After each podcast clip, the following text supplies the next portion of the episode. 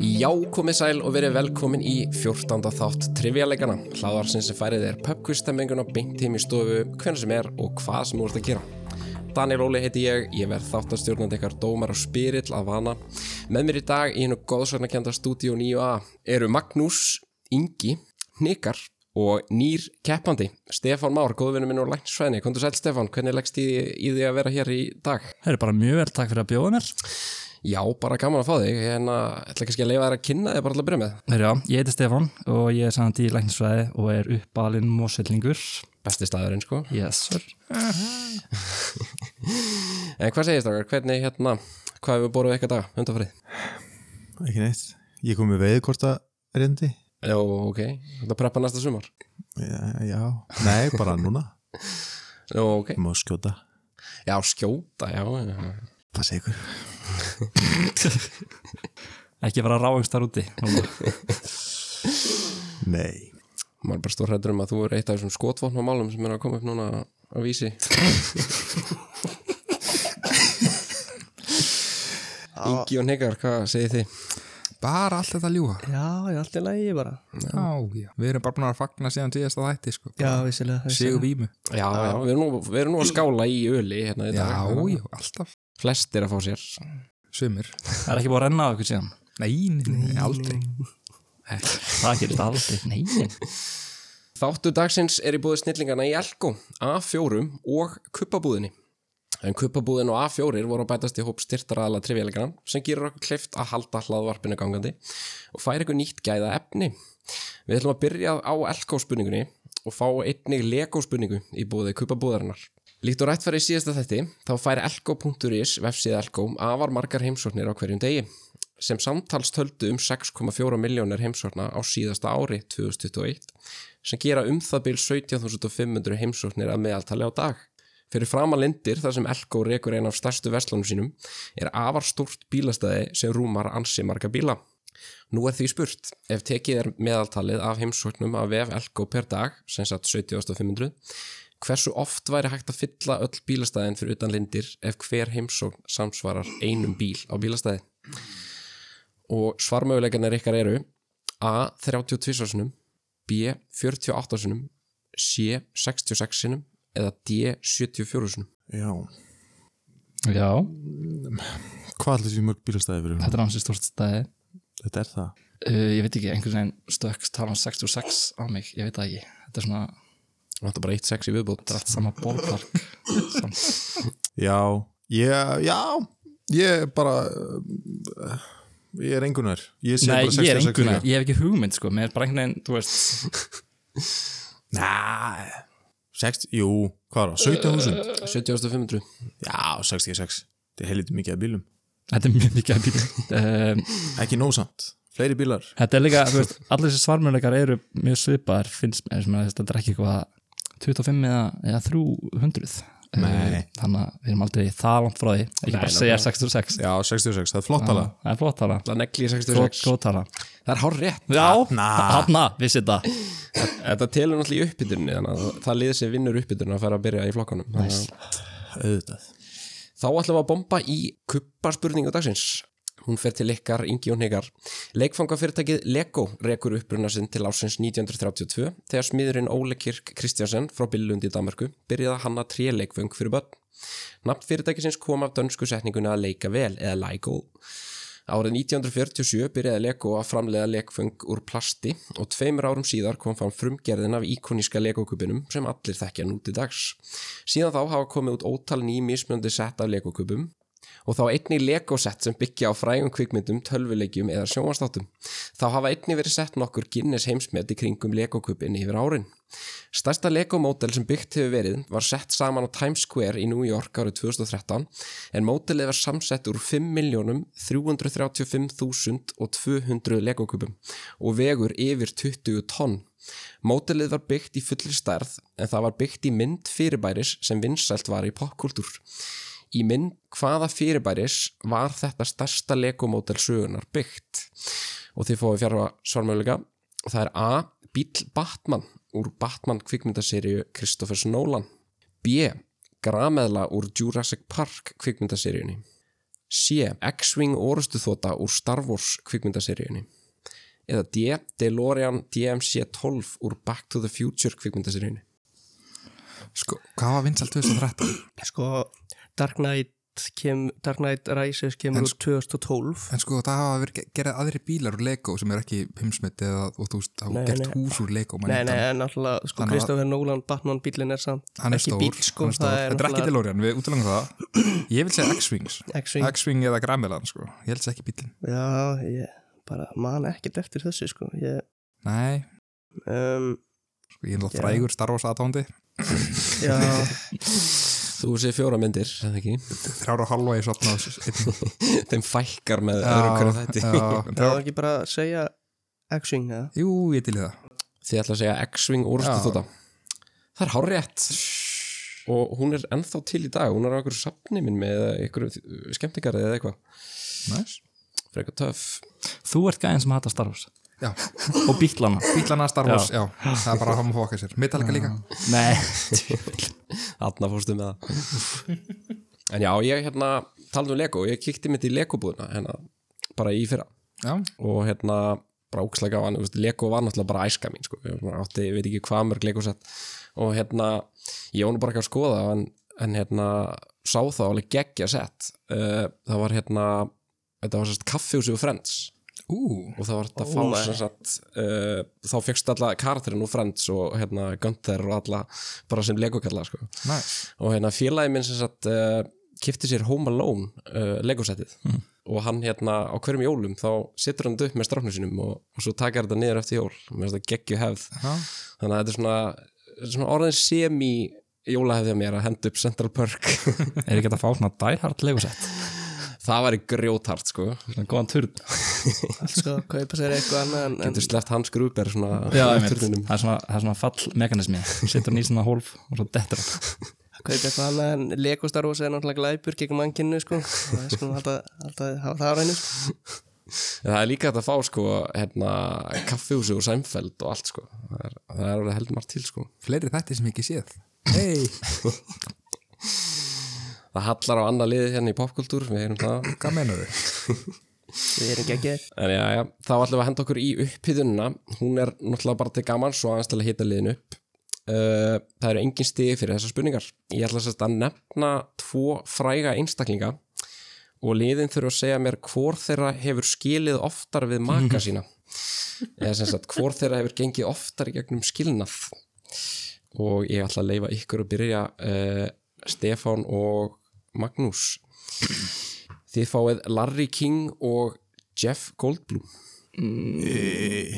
Mér líður svo Larry King sem svolítið svona að skilja Já, Hann er flagari já hann Er er flagari Ég minn Það er einhvern væpi sem hann gefur mér hann var bara með hann eina konu í körp eða þau eru enda búin að skilja í þættinum Jeff, Jeff Goldblum náttúrulega átti mikið góðari Þannig kannski svona hann á líka unga konu núna Kannski ópeppaðist hann Já, hann á bann já, ok Það er þetta eða, veist, já, hann, það er ekkert skýtið hann eigi barn, hann á ung- hann hann á ungt bann það hljómar svo að þú vitur um, meira um þetta heldur en ég, sant? Ég er Ég- bara að svona, hugsa þetta út á einhverju, já, ég þor ekki að fara með það sko einhverju svona tilfinningu, sko. kannski er þetta eitthvað svona triks kannski myndum við hugsa, mm, Jeff Goldblum er örugglega búinn að skilja ótt hann er Larry David en kannski er Larry David Þetta er Larry King Larry, já, ég var svona körp og ég var ekkert að hlusta á það maður Ég var líka bara, ha, býttu var Larry King í já, ok, vá ég heyrði bara, ég heyrði bara Larry og hugsaði David Ég ætla ekki að kvestuna neitt, ég bara, já, ok. eh, já, ok, já, það breytir það er að Larry King allan daginn, hann hefur átt fullt á konum Já, mér finnst það. Þá, rest in peace eh, rest in power Já, ertu til í það? ég held að segja Larry King sko King, Larry King Já, ætla að hendi Larry King Já, King. Það er bara horrið Ah, Yes. já, já, hvað hann er búin að skilja ótt Sko, ef þið markfaldið skilnaði Jeff Goldblum með þremur þá er það jafn ekki og Larry King Ha? Já, Larry King er búin að skilja sexinum og Jeff Goldblum tvisvar Vá. já, já, já Þetta er bara horrið Hefur hann skilið oftar en einu sinni við sömu konuna? uh, Ég Allt saman er konan. ekki viss Hefur maður tíma til að skila sexinum, maður þarf að vakna mjög snemma á morgunum til þess. bara full vinna sko þá fyrir við til ykkar e, yngar e, þið fáið Cuba Gooding Jr.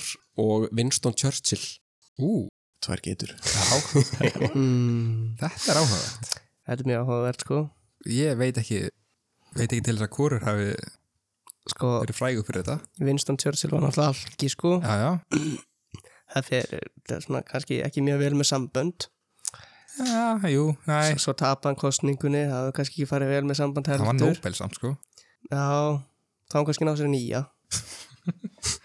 Þá er Ég ef- nýja- ef ég segja Churchill þá eða Kúpa er samt, hann er flagari, sko Já, ég veit bara ekki nógu mikið um Kúpa sko ég, Mér langar að segja Kúpa Kúting Junior Já, Já, hann var samt svo flott í bóðsenda hút og... hann er bara, þú veist Hann er indislegur, Ok, held ég Ég hef bara séð, þú veist, eina mynd með honum, held ég þannig að þú vilt meina að hann sé það indislegur að hann þarf að deila það með mörgum konum Já,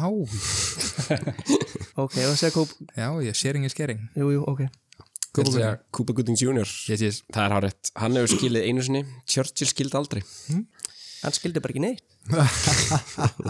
hann vann Nobel sinni eins og hann farað svona kókan trippið til það bara, bara þá fyrir aftur til ykkar eh, Stefán Már og Magnús þið fáið Donald Trump eða Pamela Anderson aðrar, tvær getur getur þetta e, mikið að skilum af mörgum ástæðum hann sko Donald Trump held ég hefur bara átt sko fjóra konur sko, mér Eða finnst þess þrjár að Donald Trump konur. sé, sé með mikið af konum en hann er ekkert endilega að giftast þeim Nei, ég held sko að hann giftist einhverju konu ánuvaríkur ég sá eitthvað svona Facebook myndband sem var Donald Trump and his mansions ég held að hann gifst konu ánuvaríkur orðiríkur, uh haldi fram hjá henni gifst hérna viðhaldinu Mhm. og svo haldi fram hjá henni Nei, já.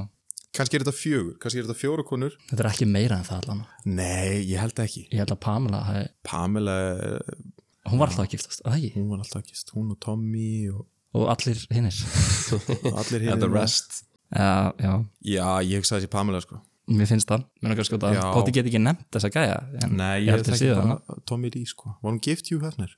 nei, það held ég ekki Nei, hún átti ekki að mér giftast honum já, ég held þessi Pamela finnst bara eins og allir að vera að giftast á tímbili, hann að eitthvað svona 2000 eitthvað, bara maður er alltaf að heyra þetta ég giftist já, segja Pamela það Já, Pamela þið segir Pamela, það er hárétt Yes. sko, hún skildi fjórusunum en hún var gift sexinum það voru tvær ógildingar en Trump hefur bara verið giftur eða sest, bara skilið tvísvar Ó, nú, nú, nú, nú Já, hann giftist ekki stónum í Daniels Nei.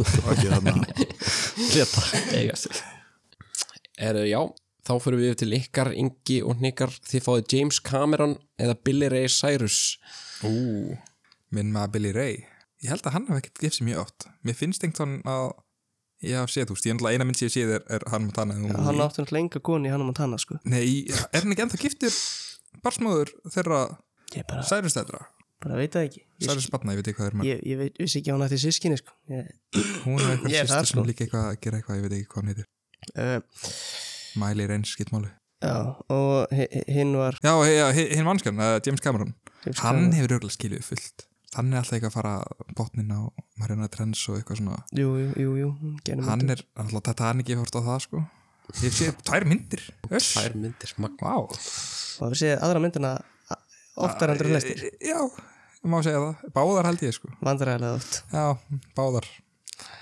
Eh, Ég segi Ég vil segja Cameron, sko Ég Ok, okay, trúa ég- mínu manni Billy Ray, sko Ég fylgi þér bara Já, þetta möllet það, þú veist, það heldur ekki framhjá Nei,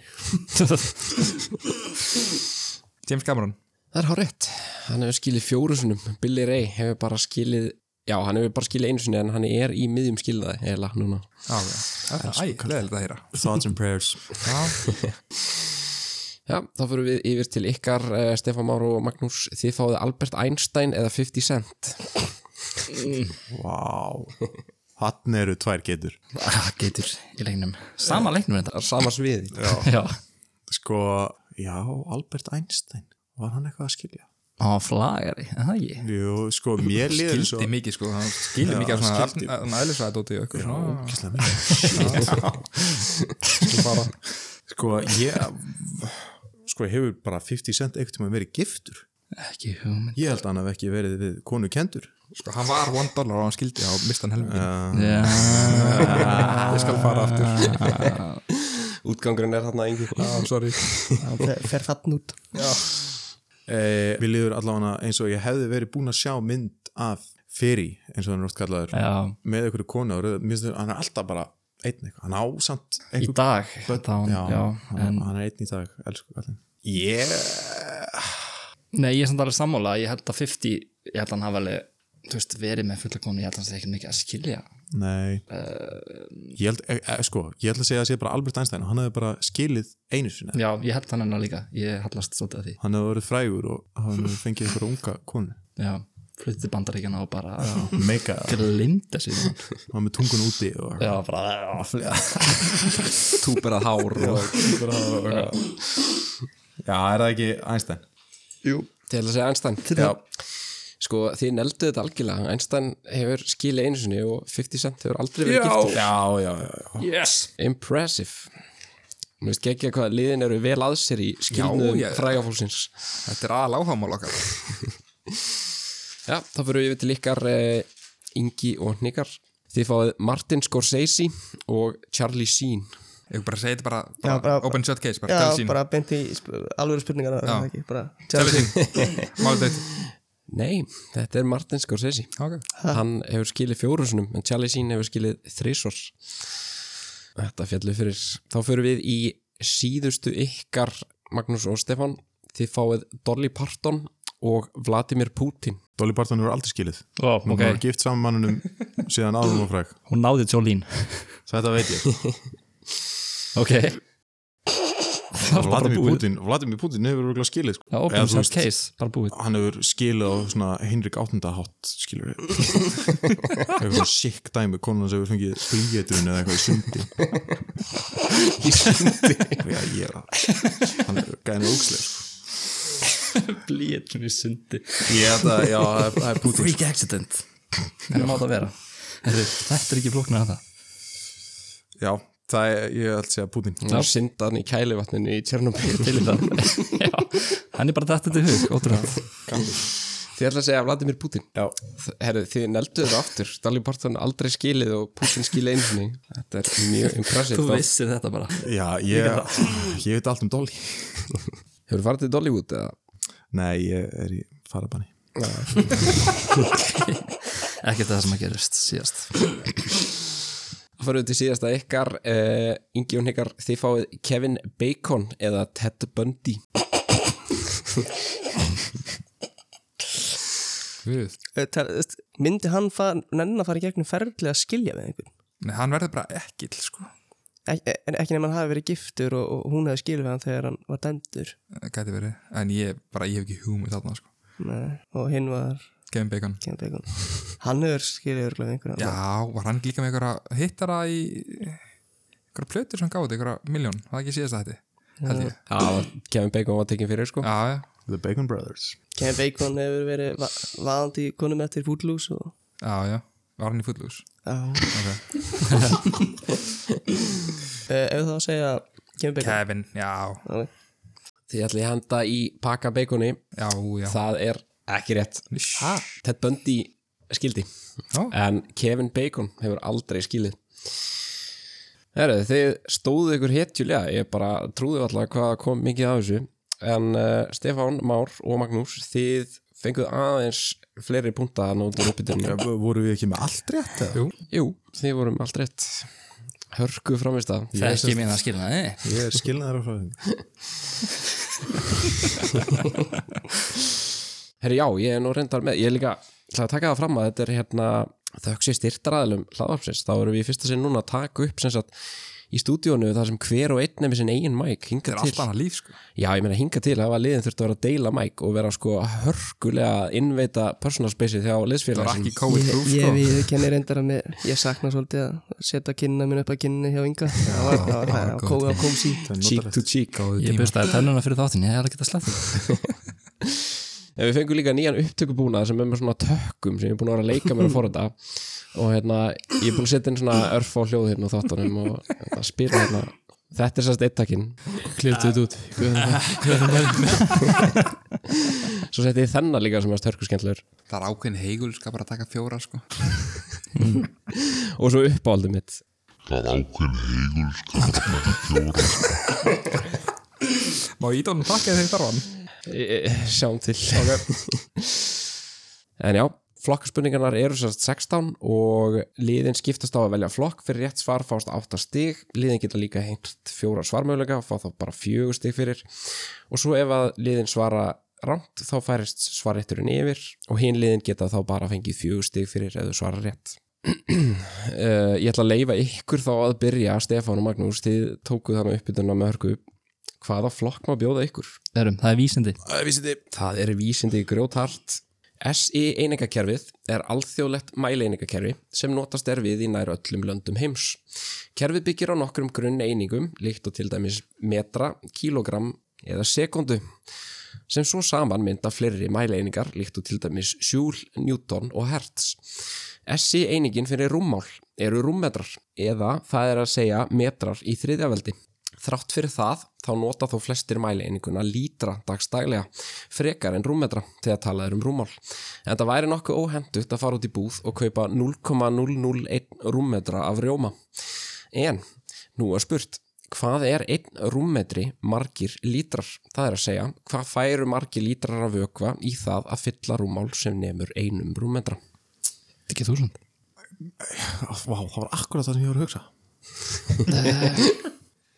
Jó, ég sko Ég fjall í starfræði Æ, þetta er svona, æ, þetta er svona leðileg spurningar svona. og sko uh, í einum, sko, lítir er hvað, rúm desimeter mm. uh, hvað er þetta já, þetta er- já, segjum þú rúmt Já, þúsund Þið ætla að negla í þúsund. Flott tala Það er hár rétt. yes.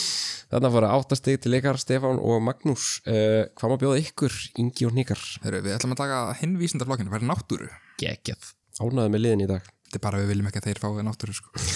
ánæður sem búin að búti sem að ræðslu hérna ah, Inn í hjarta mannslíkamanns bera bláaðar blóð Nú sé ég Stefán Já. hérna glotta ég finnur leiður líka en já, Bera bláaðar blóð frá öllum líkamannum Blóðið fer um hægri hjartagáttina og inn í hægri slegil hjartans Hjarta dregst svo saman og dæli blóðinu út úr hjartanum En til hvaða stóra líffæris fer það næst? Sko, sko ég er að hugsa um hann okkur dósa eða slaga er, það- það, er, það líffæri, líffæri? það er, ekki, það er spurning ég er ekki viss, ég er Ég sko er þetta ekki eitthvað- þetta eitthvað frekar, fjóra þú bara. veist, Er lunga það eða heilin- eitthvað. heilin eða lunga Ég, þú veist, ef að taka fjóra eða? það er heigulska bara að taka fjóra. Eins og skaldið sagði þarna í tökunum. já, já en, Sko, hann náttúrulega- hann en við veit vitum þetta. að hann veit hvort sem er Já, þannig svarið að hann fær og hann hvort eð fær fjóra. hvort sem er fjóra Já, þá tökum við, þá tökum við fjóra. Ég ætla að bombi fjöra Taktísk ákvörðun A. Milta B. Livrar C. Nýrna D. Lúna Sko þetta fyrir náttúrulega beint í lifrið hjá Magnús allavega en, en, en ef að segja lungu Sko, lungun alltaf að gefa Þau eru súrefni. næst, þau eru næst, Já, sko. þau eru næst þegi. það væri Nýrun skrítið að- reynsa, en nýrun alltaf eru ekki það stór með við allt hitt. Og Nei, en það er náttúrulega stór. samt, þú veist, það væri skrítið að fara fyrst einhverja langalega svo til Já, baka, sko. já, þannig að- segjum lungu. eh, Segjum lungu. Já, lungu. Segir lungu Já, Það er hárétt Þetta eru lungun Þarna fáið þið fjögur stygg Hvað má bjóða ykkur eh, Stefán og Magnús? já, ok, taktist Það er ekki bara, við ætlum að fara í töluleikir og spil Tölulegur fyrr Couple of gamers Eins og margir kannski vita er PlayStation 2 söluhæsta leikjartölvu allra tíma en hún seldist í yfir 155 miljónum eintaka á sínum tíma. Í öðru sæti yfir mest seldu leikjartölvur allra tíma er þó ekki að finna aðra hefðbunna leikjartölvu sem tengdi við sjónvarskjá. Heldur er það handleikjartölva sem selt hefur yfir 154 miljónir eintaka. Hvaða handleikjartölva er þetta? Já, jú, jú, jú, jú, jú ég hugsaði það Ég já, er stiði þetta það ekki bara Jú, jóló segja bara Nintendo DS Það er horrið. Yes. Mm. Þetta er Nintendo DS Hann kom á 2004 Þetta eru önnur grjótörð áttasteg á ykkur staðan orðin 16-4 komur óvart. Spiliðum báðir mikið Nintendo Ox Það var geggjaðleikur frábær Ég átti voffa þar sko Ég líka ég átti alltaf Nintendo í svo leiður þegar Pokémon hætti að koma til Gameboy Já, kom beint út á Nintendo og hætti að spila þetta það var ekki af því að ég var orðinn of gamall ég bara hætti að spila þetta geggjaðleikir Kom að bjóða ykkur Ingi og Nikar Ef við vorum að pæli að taka trú og tungum sem við erum bara svo trúar. grjótart förum í trú og tungumál. Í Kyrkistan eru tvö opinber tungumál, kyrkiska og rúsneska. en Kyrkistan er eitt fimm fyrrum Sovjetríkja sem eru enn með rússnesku sem ofinbært tungumál. Á íslensku er formlegt heiti ríkisins Kyrkiska líðveldið en íbúar ríkisins eru sagðir vera kyrkiskir að uppruna. En hvað er íbúaheiti einstaklinga frá Kyrkistan á íslensku? Það er að segja hvað kallast einstaklingar frá Kyrkistan á íslensku. Sko, ég með langar bara að segja Kyrkistani eins og þú veist það er Pakistani og það er Kazakstani En það sem er Afgani, Afgani, já ekki Afganistani Kyr, Kyrkani Það Ég hljóðum veit bara, ekki. það hljóðum bara ill, það hljóðum bara rangt sko. Ég, eh, já, ég Þetta er góð spurning Halltaf eitthvað spurning um Sko- Kyrkistan ég, Einu sem ég veit um Kyrkistan er Billy borg í Kyrkistan Sko, ég myndi vilja segja Kyrkistani Ef við taka fjóra eða Ef við fáum- ef við tökum fjóra þá var Kyrkistani, Kyrkani Kyrki, Kyrkani. Kyrkani og Kirkan hljóm bara svo gírkas eða eitthvað, sko, þú veist ég Þú veist ég ég, mér náttúrulega segja bara, þú veist, þú byggt á því að það er Pakistani, þá var það Kirkistani Kyrkistani Kirkistani, Já, já, segjum Já. það Kyrkistani, Kyrkistani. Kyrkistani, já Nei, það er ekki rétt. Stefán og Magnús. ekki segja þetta bara Jú, ég held það, það var annarkvort þess að taka Ég held að, ég til þetta og við ætlum að skjóta á kirki Það er ekki heldur rétt. Ég ætla að gefa ykkur svarmöðlugana, bara allir gamans. Já, Það er A. Kirgisi, B. Kirgismadur, C. Kirgani eða D. Kirgisvergi. Ah, þá var það Kirkani Kyrkani Nei, er það ekki Kyrkisvergi. kirkis þetta er Kirgisi. kirkisi Kirgisi. Kirkisi Já, Sí Krútlegs sætir þessi kirkis Já Kyrkisar sko. Þetta kom ekki. Uh, Fyrir þá yfir til ykkar Magnús og Stefán, hvað má bjóða ykkur? við ætlum að fara í kveikmyndir og sjónvar Gekja. Árið 1996 kom út kvikmyndin William Shakespeare's Romeo plus Juliet undir leikstjórn Bas Lurman. Myndin var nútímavætt útgáfa af tragedíu William Shakespeare um Romeo og Júliu, þar sem Montague og Capulet fjölskyldunar voru svarnir óvinnir. Ekki í Verona á Ítalju, heldur Verona Beach í Flóridaríki. Með hlutverk Romeo fór engin annar en Leonardo DiCaprio, en hver var það sem leika móti honum og fór með hlutverk Júliu?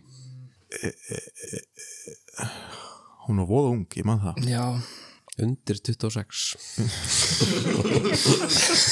þarna byrjaði þetta aftan.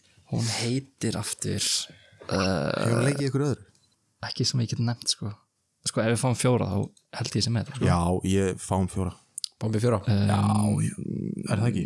Gef mér fimm sekundur Nei, ég er ekki með það Fáum fjóra A. Gwyneth Paltrow B. Naomi Watts C. Kirsten Dunst D. Claire Danes Já, þetta er klæðið eins Það er svo leys Claire Danes Já. Það er hárið Yes. Þetta er Claire Danes Þannig að fáið fjögur stig og farið upp í 20 staðan er orðin 24 Ingi og Nigar, hvað má bjóða ykkur? um, Við vonum að spáði að taka bara Erlenda sögur eða ekki? Ok, við erum til erlendasögu bombum Erlandasögu. Þann 3. mars árið 1991 var maðurinn okkur stoppaður af lauruglunni í Los Angeles borg. Maðurinn hafði ekið of hratt og undir áhrifum, en þegar lauruglan reyndi að stöðva mannin, gaf hann í og reyndi að stinga af. Bíl mannsins var þó króaður af og voru hann og aðrir farþegar bílsins beittir harkalegu laurugluofbeldi í kjölfarið. En á sama tíma er maðurinn á grenninu að taka þetta allt saman upp á vídeo. Lauruglumennir fjórir sem réðust á ökumannin og farþegana voru allir síknaðir þann 29. apríl ári setna en dómurinn leiti til mikill að óerða í borginni sem stóðu yfir í meira en 6 daga. Þegar allt var yfirstaðið höfðu 63 látist, hátt í 2400 sæst og yfir 12.000 einstaklingar verið handteknir. Hvað hétt ökumaður bílsins sem var beittur því lauruglaofbeldi sem leiti til óerðana í Los Angeles árið 1992? Sko, ef ég mann rétt, þá heitir hann Rodney King, er það ekki? Það segir bara King, ekki Larry King Nei, það er ekki rétt hann var að skilja á þessu tíma Já, þetta var King King, Þetta er að segja King. Já, King Það er horrið og þið voru líka með fyrir nafnið, þetta er Rodney King. hann dói á málstæmi, druknaði sundlög ekki að blíða þetta Ég er bara hrættu við að fara í sund núna. Sko. Þarna mikið munin í 2012, vel gert. Hvað má bjóða ykkur, Stefán og Magnús? Taka það íttur út til Hvernig er innsti ringur hefbundins skotmarks í bókfimi á litin? Svo þessi hérna, er það ekki? þegar jú þegar teknut upp, þá meikir þetta sann sko Allána í Wii Sports, sko já, Við viljum segja gulur Gulur er hárétt yes. ég hugsaði fyrst að rauður sko en þegar teknut upp, þá bara, jú, það Það er meikir það sann í dart, sko. pílan Það er pílan, sko Þetta farið í 28 stig, staðan orðin 28-12 Kom að bjóða ykkur Við ætlum að taka mat og drikk Matamdur ykkur Herri, já, Ég fæ kannski líka að það er að byrja Förum í Jón, Jónsflokkin, svo kallaða Jú, jú Yfir hátíðarnar eru matarvenjur Íslendinga ansi fjölbreyttar, rjúpa, hambúrgarryggur, kalkún, netusteg. Það er öll flóran í bóði og þá skiptir meðlætið ekki síður máli. Pikles, brúnaðar kartöblur, valdorfsalat, kvítlöksristaðir, sveppir og listin heldur áfram. Fyrir suma eru það þó asýr sem eru algjörlega ómissandi yfir hátíðarnar. Asýr eru yfirleitt seldar súrsaðar í krukkum en nafnið asýr er komið úr dönsku þar sem orðið así er notað um kjarnhreinsaða niðurskorna og súrsaða ávexti sem eru þó oft flokkaðir sem grammeti. Úr hvaða ávöxt eru asýr framleitar? Þetta eru agurkur Ég held það alveg nokkuð þess að séu kjartreinsar agurkur Ég borða náttúrulega ekki grammiti Þetta eru ávakstir eða ávöxt eða eitthvað sem er holt telst Þetta eru gúrkur Þetta segja gúrkur. Já, Þetta eru gúrkur. Hár rétt. Þarna mingiði munin og staðan orðin 28-20 fyrir Stefán og Magnús.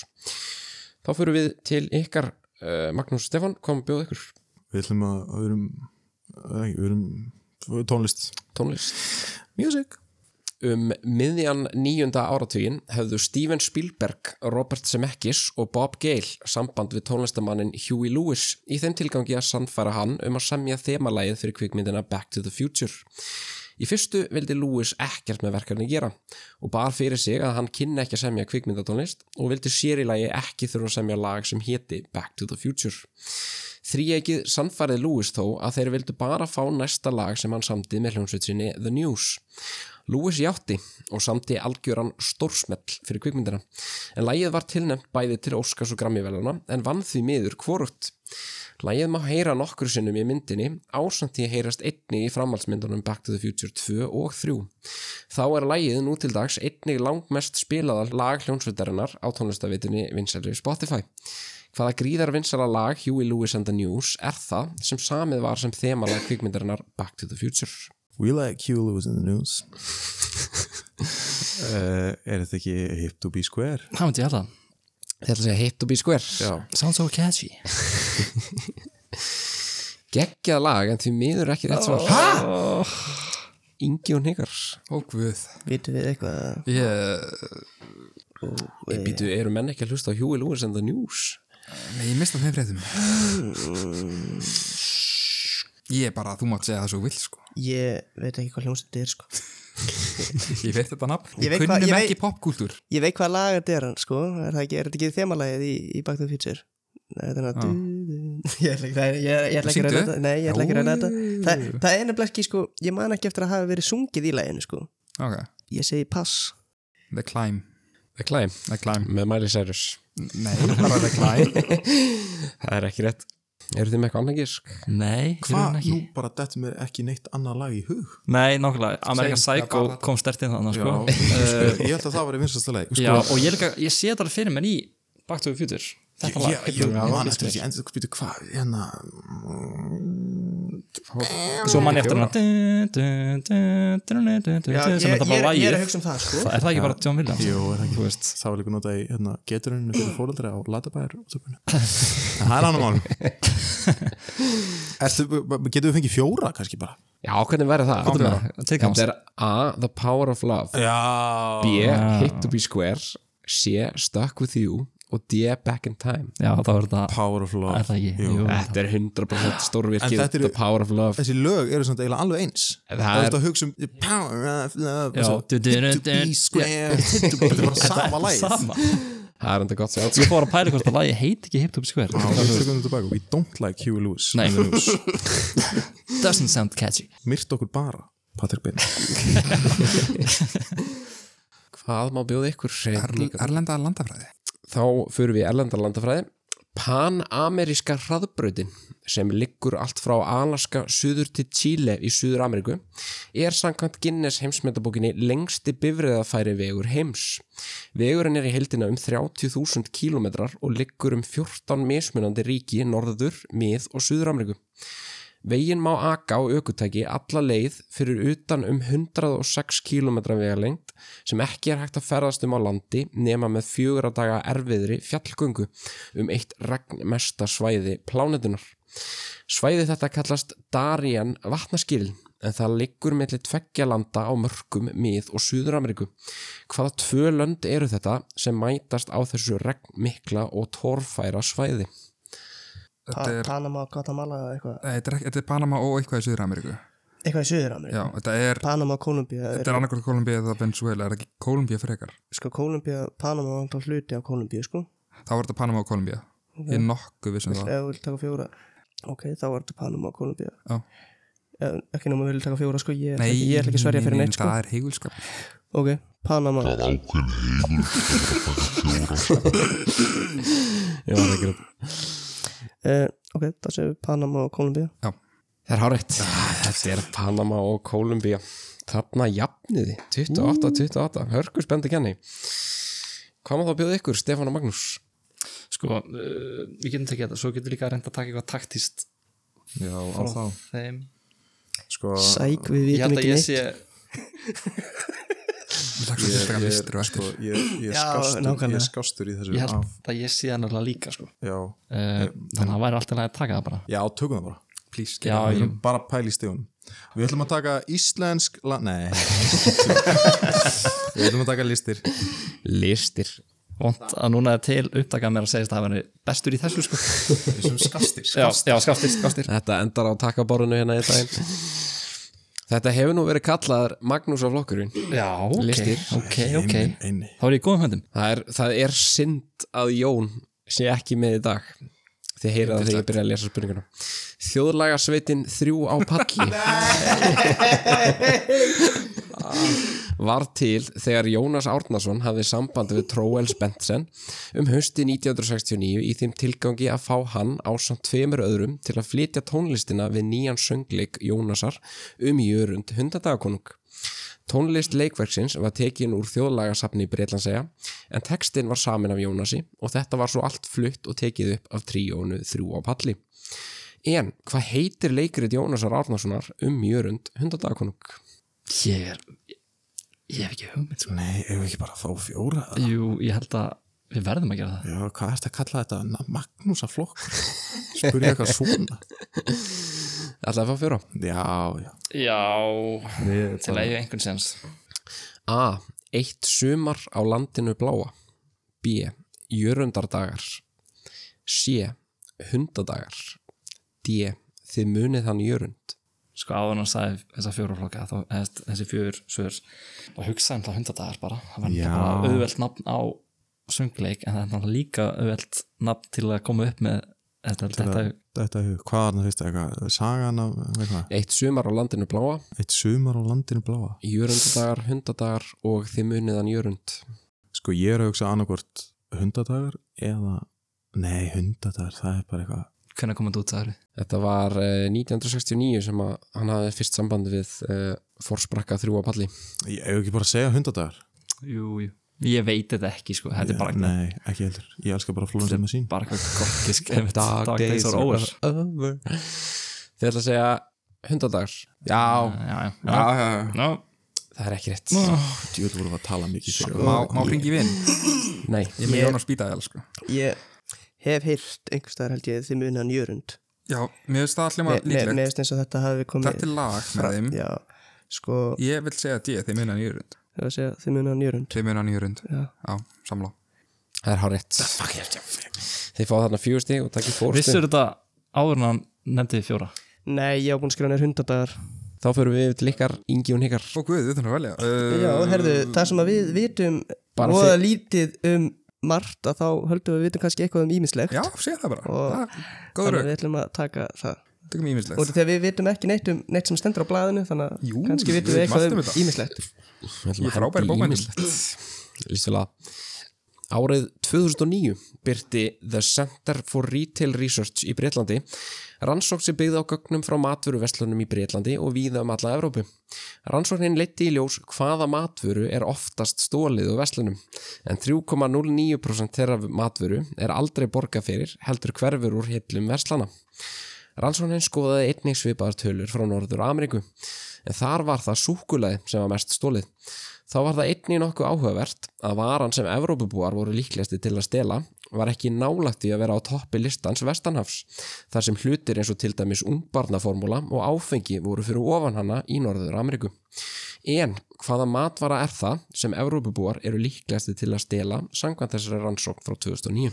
Þetta hlýta þá að vera ykkur ávöxtur eða grammiti eða eitthvað fyrst að kanin vill þetta ekki Já, alltaf ekki að það var ekki Ólfur Tvist sem stala epli eða eitthvað Jú, ég veit, ég, það fyrst ég veit, þú veist, vínber eitthvað því allir taka alltaf eitt eða tvö að fá sér Já, við erum reyndar ef að fá fjóra Já, já, Þetta er sterkur laukur og- það er alltaf gott að góðu leikur að taka fjóra sko. segja bara, Það er- ef, þegar, við, þegar við vitum ekki Já. neitt sko, Já, já. það er bara Að það fá taka allan fjóra er 25 bróðast Gott, já, það er ekki heigulskapur allavega. nei, nei, alls ekki ef það er eitthvað orðið við anstæðan fyrir það þá, þá var það það, sko. þetta er dyrfsk Hetjuskapur Þið ætla að fá fjóra Já, Hendum í það A. Brauð B. Ostur C. Kjöt D.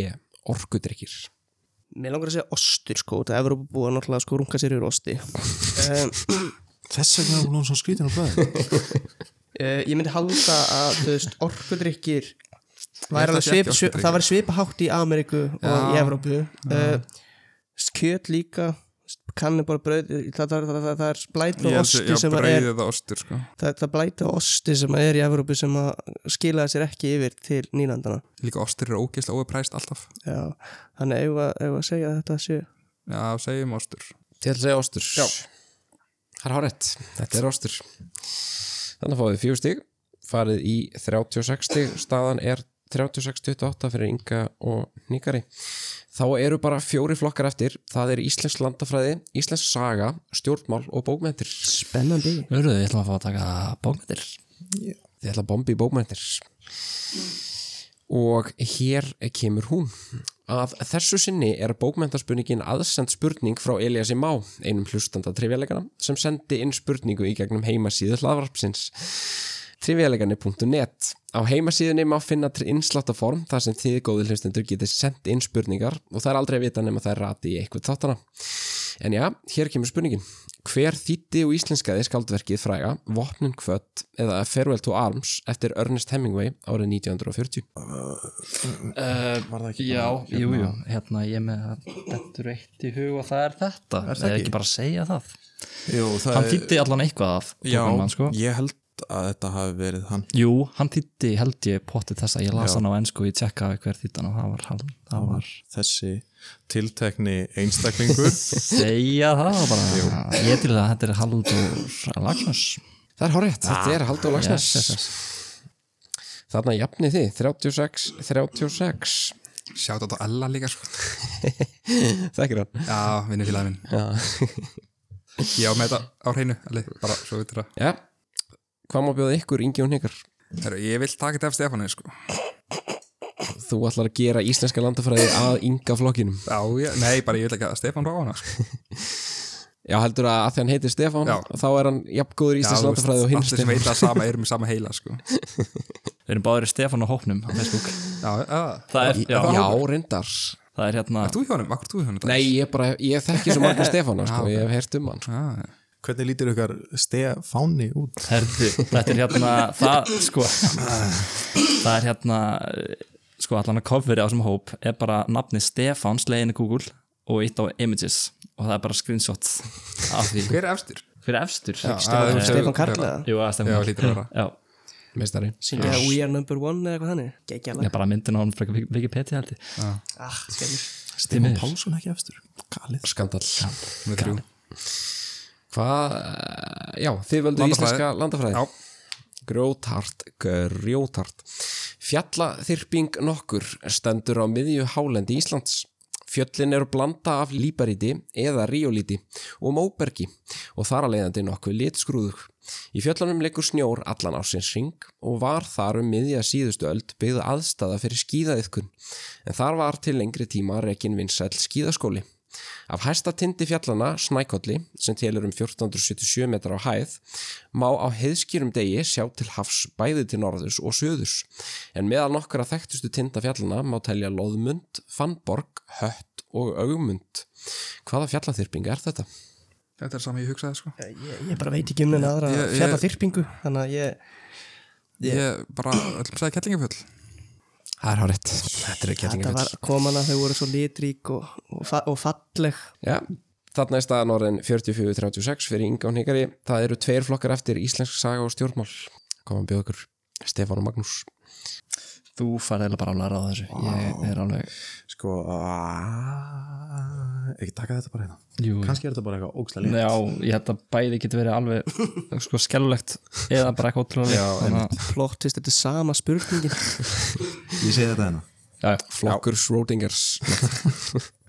Það eru stjórnmál Það eru stjórnmál að sjálfsög, geggjað hlokur Það voru afar skiptar skoðanir um það þegar forsti bandaríkjana Barack Obama vann fríðavelu Nobels árið 2009 Verlunin vann Obama fyrir að hafa farið öðrum framar við það að stuðlaða samvinnu milli þjóða Þetta varð með umdildasta vali á sigurvera velunana til lengri tíma, sér í lægi þar sem Obama hafði einungis verið fórseti í um tíu mánuði þegar hann hlaut velunin og ekki komið mörgum af kostningafyrirheitum sínum um alþjóðlegt samstarf einu sinni í gegn á þeim tíma. Obama er þó langt frá því að vera eini fórseti bandarækjana til að vinna friðavilju Nobels, en þeir eru samtals fjórir. Nefnið allavega tvo hinna þryggja sem unnið hafa velunin. Egu kannski bara að fá fjóra Já, hvernig virkar það ef við fáum fjóra? hvað er takkin?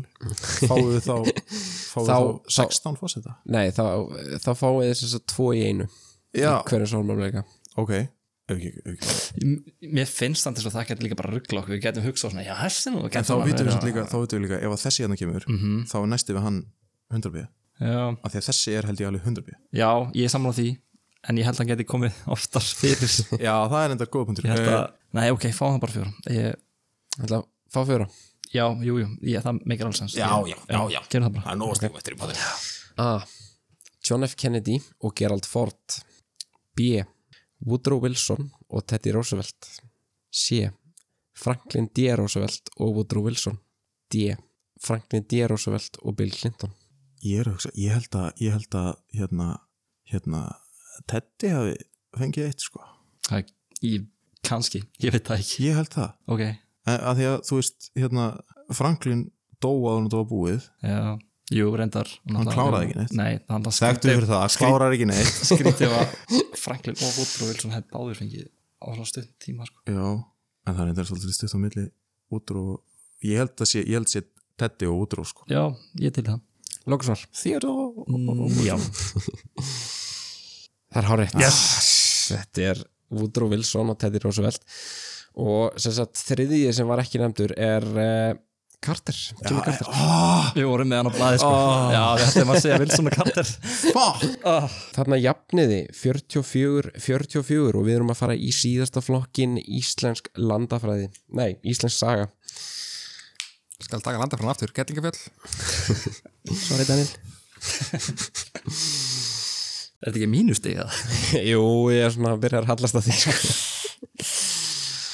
Það voru slögt á mæknum ykkar en næsta þetta Það er refsingin ykkar Já, þá er bara eitt flokkur eftir og hann Þú er, mátt velja Já, Þarna- eftir, eftir langa umhugsun þá höfum við ákveðið að taka íslenska sögu Íslensk Já, ok, ég til ég Fyrsta McDonalds veitingahúsið opnaði hérlendis árið 1993 við Suðurlandsbrödd en það var sjálfur fósættisráðra landsins sem var viðstættur opnunna og fekk sér fyrsta juicy íslenska Big Macin.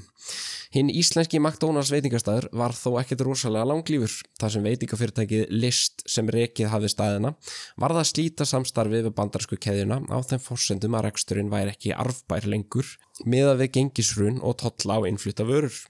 McDonalds lokaði því á Íslandi en rekstu veitingastæðina hjælt áfram með öðrum hráefnum undir nafninu Metro. Við fréttina ruku Íslendingar til að vestla við McDonalds hambúrgara í massavís en síðustu dagana fyrir lokun var keðjan að selja um 10.000 hambúrgara á dag Hvaða ár lokaði McDonalds keðjan á Íslandi? Ú, 2008 9 sko, ég, það var Gabi Kongur fekk sem síðasta borgaran Fekkin er hann fyrsti? Hann fekk bæði, Fekkin bæði? hann fekk bæði Manstu hvernig fabrikan opnaði? Það gerist, á, það gerist á sama tíma sko. Ah. uh, Ég man að ég var þú veist, Jú, nei Jú, þá, þetta, ef þetta hefur gerst fyrr þá er þetta 2009 Þetta 2009 fi- fabrikin opnar seint 2009 Já, út af því að Eða ég tíu. man sko sem ég vil tala um það að þau, sess að þau voru svo hrættir með væntingar hjá fólki út af því að, út af því að, sess að út af það hr- hrundi svo hjá metro út af að þeir sögðu alltaf að þetta væri bara saman McDonalds borgarinn Nei, þetta Svo er ma- betra og metro það er enda betra metro já og metro betra metro 2009 ef ég segi það. Já, betra og metro 2009 Þið ætlaði að segja 2009 Yes Ef þetta er rétt þá farið þið með áttastega fórustu inn í bjöldspurningar Ef þetta er átt þá fá Stefán og Magnús tækifæra á að svara Takk fyrir að lýsa þessu svona vel Þetta er rétt. Þetta var 2009. Þarna náði þessum að fórustu og við erum á leiðinni í bjöllu spurningarnar. Bjöllu spurningarnar eru tíu talsins. Fyrir hvert rétt svar fást átta stig. Ég ætla að fá að heyra í bjöllunum ykkar. Eh, Byrjum á ykkur, Stefán og Magnús, hvernig hljómar ykkar bjölla? Gæla ís og og ykkar, Ingi og Nigar. Þarna er bjallan ykkar. Við förum þá í fyrstu bjöllu spurningu. Morgunkorn er allskonar og myndar einskonar skala allt frá því að vera hollur og góður morgumatur yfir í að vera óholl sigur leðja. Einhver staðar á þeim skala liggur Lucky Charms en þó sennilega nær sigur leðju enda skalans. Lucky Charms er morgunkort sem framleitt hefur verið af General Mills allt frá árinu 1964. Morgunkornið er myndað af marglituðum sigurpúðum sem og sigurhúðuðum hafrabitum. Sigurpúðarnir eru marglitir og mótaðir í formum fyrirbæra sem tengjast hefni líkt og til dæmis græn fjögur að blaða smári. Upprunalega voru einungis fjórar mismunandi tegundir af sigurpúðum í Lucky Charms en með árunum hefur þeim fjölgað nokkuð svo nú til dags má finna átta mismunandi tegundir í hverjum kassa af morgunkorninu. Nefnið allavega þrjá Þetta er Stefán og Magnús Uh, það, er, það, er, það er skeifa það er líka fjórulega smári það er fyrirlöfsmári uh, uh, það er, og það er, regnbói það er regnbói og svo er líka svona, hérna, svona stjarna svona stjörnu hérna, já, og, með- já, svona shooting stars Já, Æ, halastjarna. já, já, Eh, uh, og mm. uh, þurfa að velja þrjá eða nefna allan að þrjá af byrju, byrju, byrju, er það kannski af þeim sem komu eftir að eða voru fyrir, vitum við að kama það já sko, ég hafa ekki séns að Daniel var að spyrja um það nei, ok, ekki lægi hann var bara eitthvað skeptiskur að svipin, ég, ég, ég horfði á hann og- sko. þá erum við að segja þá erum við að segja skeifa, já, uh, það er svona fjólulega smári það er, það er regnbói og það er shooting star já það er skeifa líka sko skeifa er, hérna, hún er Jóna fjólublá. Blake eða Já, fjólblá, svona já, jú, fjólublá, bleik, jú fjólublá. Ég ætla að stoppa ykkur, þetta er lengur komið sko. já, ok, fúf, ég ætla að segja það maður Ég var bara að byggja um semst þrjá hinna síkubúðuna sem voru ekki nefndir og þið sögðu það þannig að þið voru með skeifuna, regnbúan og stjörnuna en það er líka hjarta, blár máni svo er uh, rauð bladra og svo, svo var stundaglas en þeir skiptiði út fyrir einhyrning Góða skipti Var Já. það, já, ég held að það væri bara pelið eða eitthvað Ég Þetta alltaf var að pæla nefnilega svo í hvað skrítið það var. þegar ég var að sko researcha spurninguna og ég var að skoða morgunkotni þá var ég bara hvað í fokkanum er þetta gula? Ég hef oft, ég hef oft hort á þetta, bara hvað er þetta? Nákvæmlega En já, það eru greinilega fleiri verið á þessu máli því að þetta er horfið núna Ég fekk líka kassum Thank daginn God. með einhyrningnum og ég var bara já, ok, þetta er akkurat bara props á General Mills Þarna jafniði 56-56 Þetta er nýfjöpkerni Við förum þá í aðra bjöldspunningu Fánar Kúbu Greklands Líberju Malasíu Úrugvæ og Bandaríkjana eiga það allir sameilett Eh. þetta er eh, Ingi og Nikar Þeir eru sess að með bláar og hvítar rendur Já, er það ekki bandaríkin? Bandaríkin er ekki Þeir eru með- þeir bláar eru með hvítar og- rauðar Ah, og- já. fuck. Þeir eru með rendur og stjörnur Rendur og stjörnur uh, Gríkland eru Greikland regnum stjörnur Nei, þeir eru með rendur þeir, þeir, eru allan, að- þeir eru allir bláir það er blár og hvítur í öllum fánunum þeir eru allir sem sagt, með rendur og svo eitthvað munstur vinstra meðan á fánunum eða ekki upp í hópninu á Gríklandi er, en, í- er kross en, í- en í Kúbu og, Eh, og Kúba, Úrubæ Kúba kemur með þarna með þrýjerningin, stjarnar í honum fuck, ég fór á snemma bíluna það er allir bláur og hvítir þeir eru allir, já, það er blára kvítriðum öllum já, Það er ekki rétt svar. Ég held áfram með spurninguna. Eh, Þeir eru allir samilegt að vera myndar einhverju leiti úr mörgum láréttum röndum, en hver þeirra hefur flestar rárétt- láréttar röndur? Já, ok, sko, það eru 13 í bandaríkjunum Mm. Það eru, ég held séu fæstar ég held séu þessu fæstar í kúpu ok, Það eru bara svona 6 eða eitthvað já, já, getur bara svo Ég held séu á milli sko hvað var hitt, Greikland, Líbja Líberia Líberia, já Ég held að Líberia sé Líberia er bara svolítið eins og bandaríski fánur nefnum bara með ein- já, jú, stjörnu. með eina stjörnu, jú Ég held að það sé örugglega bara 13 líka. já, uh, Ég held séu á milli Gríklands og var ekki Malasia Já. Sko, ég held að það sé Malasia Er ekki svolítið margar endur þar? í minningunni það er mjög litlar Já. jú, það eru Er það þunnar. ekki? Er ekki Jú, Malasía? Grikkland með svona frekar feitar línur eða jafnvel bara 12 að 13 Einmitt. ég er allan frekar til að skjóta það Já, Malasia segð það Til þess að mala sig. Mhm. Það er rétt. yes. ég ætla að spyrja, var allt svar mér ekki Er þetta Malasia? Þarna farið í 64 stig og eru það komin í 64-56.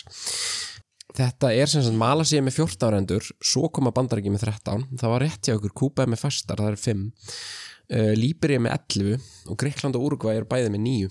já, úru hvað líka Já, Úrugvæðuleik Vá, jú Það er ekki Úrugvæð Þá höldum við í þriðju bjöldspurningu. Á 88. Óskarsveluna hátíðinni vann kvikmynd nokkur undir leikstjórn Pete's Doctor besta teiknaða kvikmyndin. En kvikmyndin kom út árið 2015 við afar góðar undirtektir.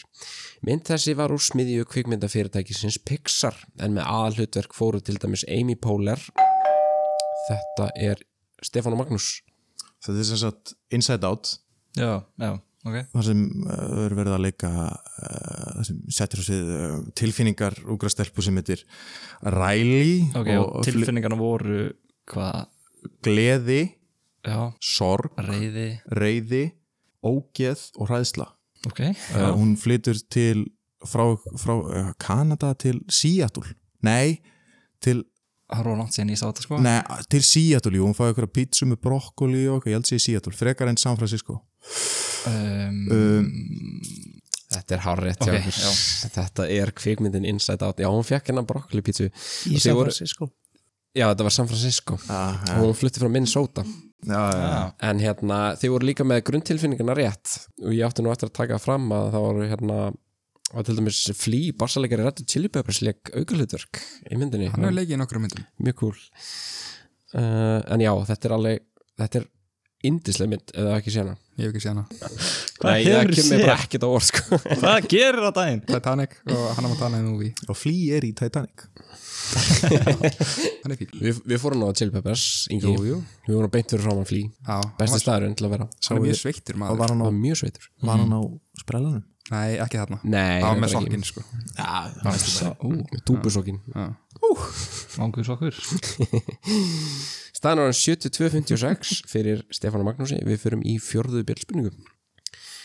Til er ímistlega áhugaverð tölfræði um ennsku úrvalsleildina sem stopnuð var í núverandi mynd árið 1992.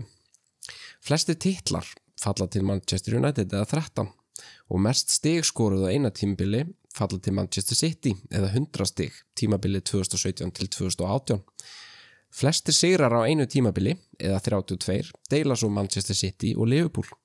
En flestir sigrar í heldina, eða 706, falla til Manchester United. Svo eru til önnur heldur leiðilegri met, líkt og til dæmis fæst mörg skoruð á tímabili, eða um 20 sem Derby County og Sheffield United deila með sér. Eða jafnvel flest rauðspjöld á einu tímabili, eða 9 sem að Sunderland og Queen's Park Rangers deila með sér. En Þegar liðið sem hefur tapað fleiri leikjum samtals en nokkurt annað lið í sögu ennsku úrvalstildarinnar eða 416 sinnum er skoðað kemur í ljós að það sama lið hefur einnig gert jafntefli oftar en nokkuð. Þetta er Stefán og Magnús. eh, Hmm. Ding dong.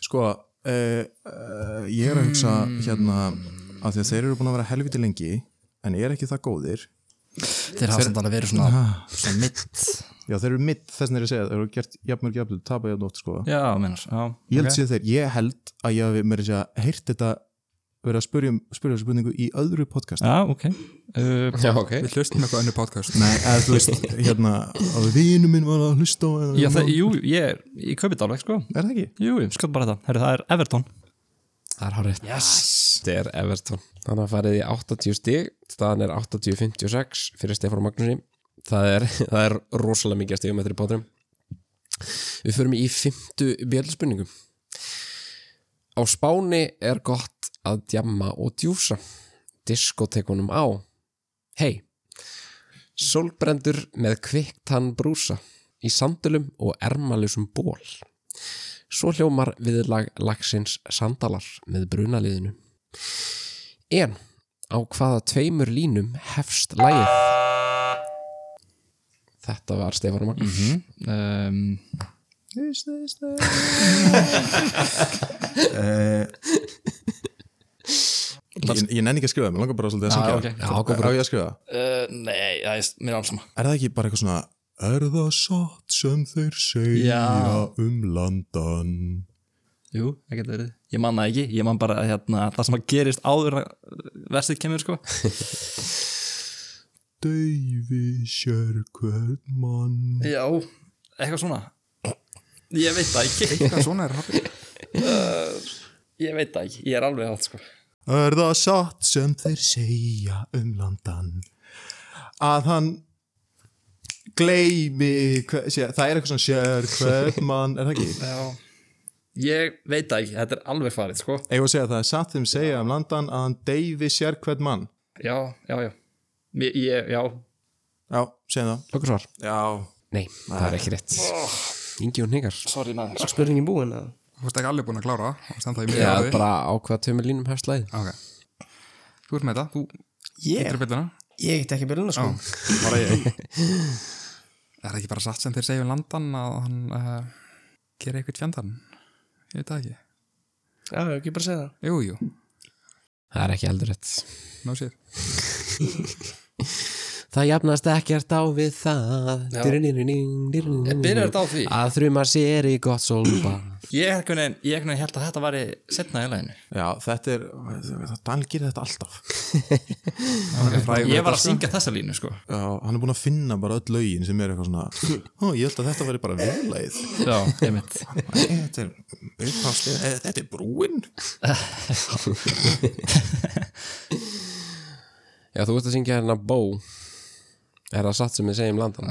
Já, en þ- sko, það er eitthvað annað laddalag sem er þessi lína en sem er svo eitthvað breytt í einhverju gríni Já, ok, þú meinar og þetta var á hverju sinnar kæfusmiðursplötunni og ég er bara hvet hlustendur til að senda á þáttinn eða þeir eru með svarið Farað inn Við á þessari spurningu. trivialegar.net inn á insláttaformið og sendið þetta inn fyrir Magnús Já, fyrir mig Við förum í sjöttu bjöldspurningu Spurt er um slangur eða nafn Í Viktoríu ríki í Ástralíu má finna bæ nokkur sem ber þetta nafn en nafnið er komið af frumbyggjum Ástralíu sem byggu að mestu innan norðaustur Viktoríu með frá Mörrei fljóti sem er lengst af fljóta Ástralíu Nafnið er þó þekktara sem slangurirði úr kvikmyndinni Hook frá árinu 1991 þar sem Robin Williams fer með hlutverk Péturs Pan leiðtóga tíndustrákana.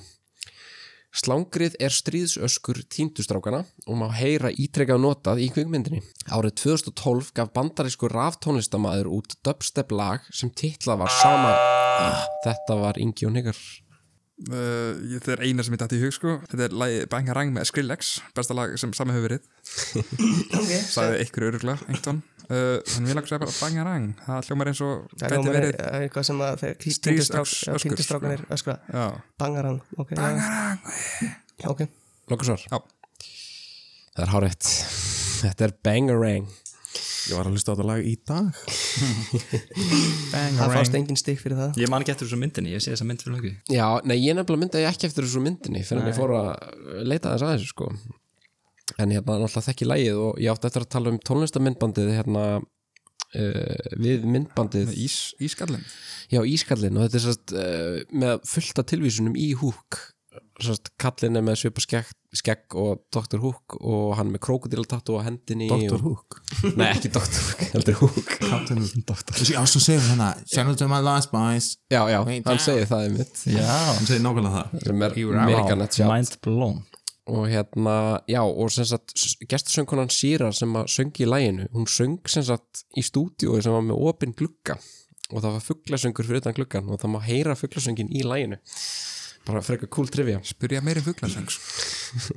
Þar er er mér mér sterkur góð Nóa góð herndól í Elko Nagla. Hvar getur þér hérndól?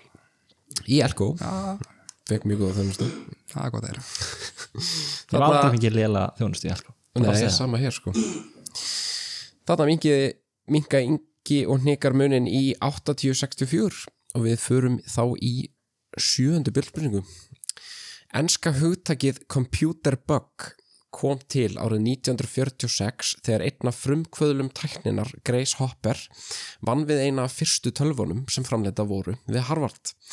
Grace byrti grein um bylun í tölvunni Mark II en þegar, þegar uppkom villa í vinslu tölvunar tókst henni og teiminu að rekja villuna til vágestar nokkurs. Komi ljósa ákveð skortir hafði skriðið inn í tölvuna og fest sig við í gagnahleipi. Skortýrið var fjarlægt varlega og límt inn í festlubók hópsins. Þar stendur það svarta hvítu að 9. september klukkan 15.45 fannst skortýrið en við hlið þess er skrifað að það hafi fundist í gagnahleipi 70 og að þetta sé fyrsta tilfelli þess að skortýr hafi fundist á þennan hátt í, inni í tölvu. Bókina ásamt dýrinu má nú finna í Smithsonian safninu um sögu bandaríkjana. Hvaða skortýr Þetta er Ingi og Hikar Sko, mér langar að segja kakalaki bara Þetta var mitt gísk fyrsta sko. Getur verið, sko Ég, ég er eng Ég er engum með, sko Þú mátt, þú mátt ráða Ég vil ekki taka ábyrð, sko Ok, Kakalakin er alveg svolítið stór, sko hann er stór er Það er að komast- En tölvöldin þarna voru Trólunar stórar það sko. voru risastóra, sko Mikið plása milli alls þar Já Og kakalakan er þeir ekki svolítið þekkti fyrir að koma sér allstaðar að Jú, en mér, finnst, sko, ég er alltaf að finna þetta hjá mér Ok, ef ég var að segja þetta Já, mölfluga Það er harrétt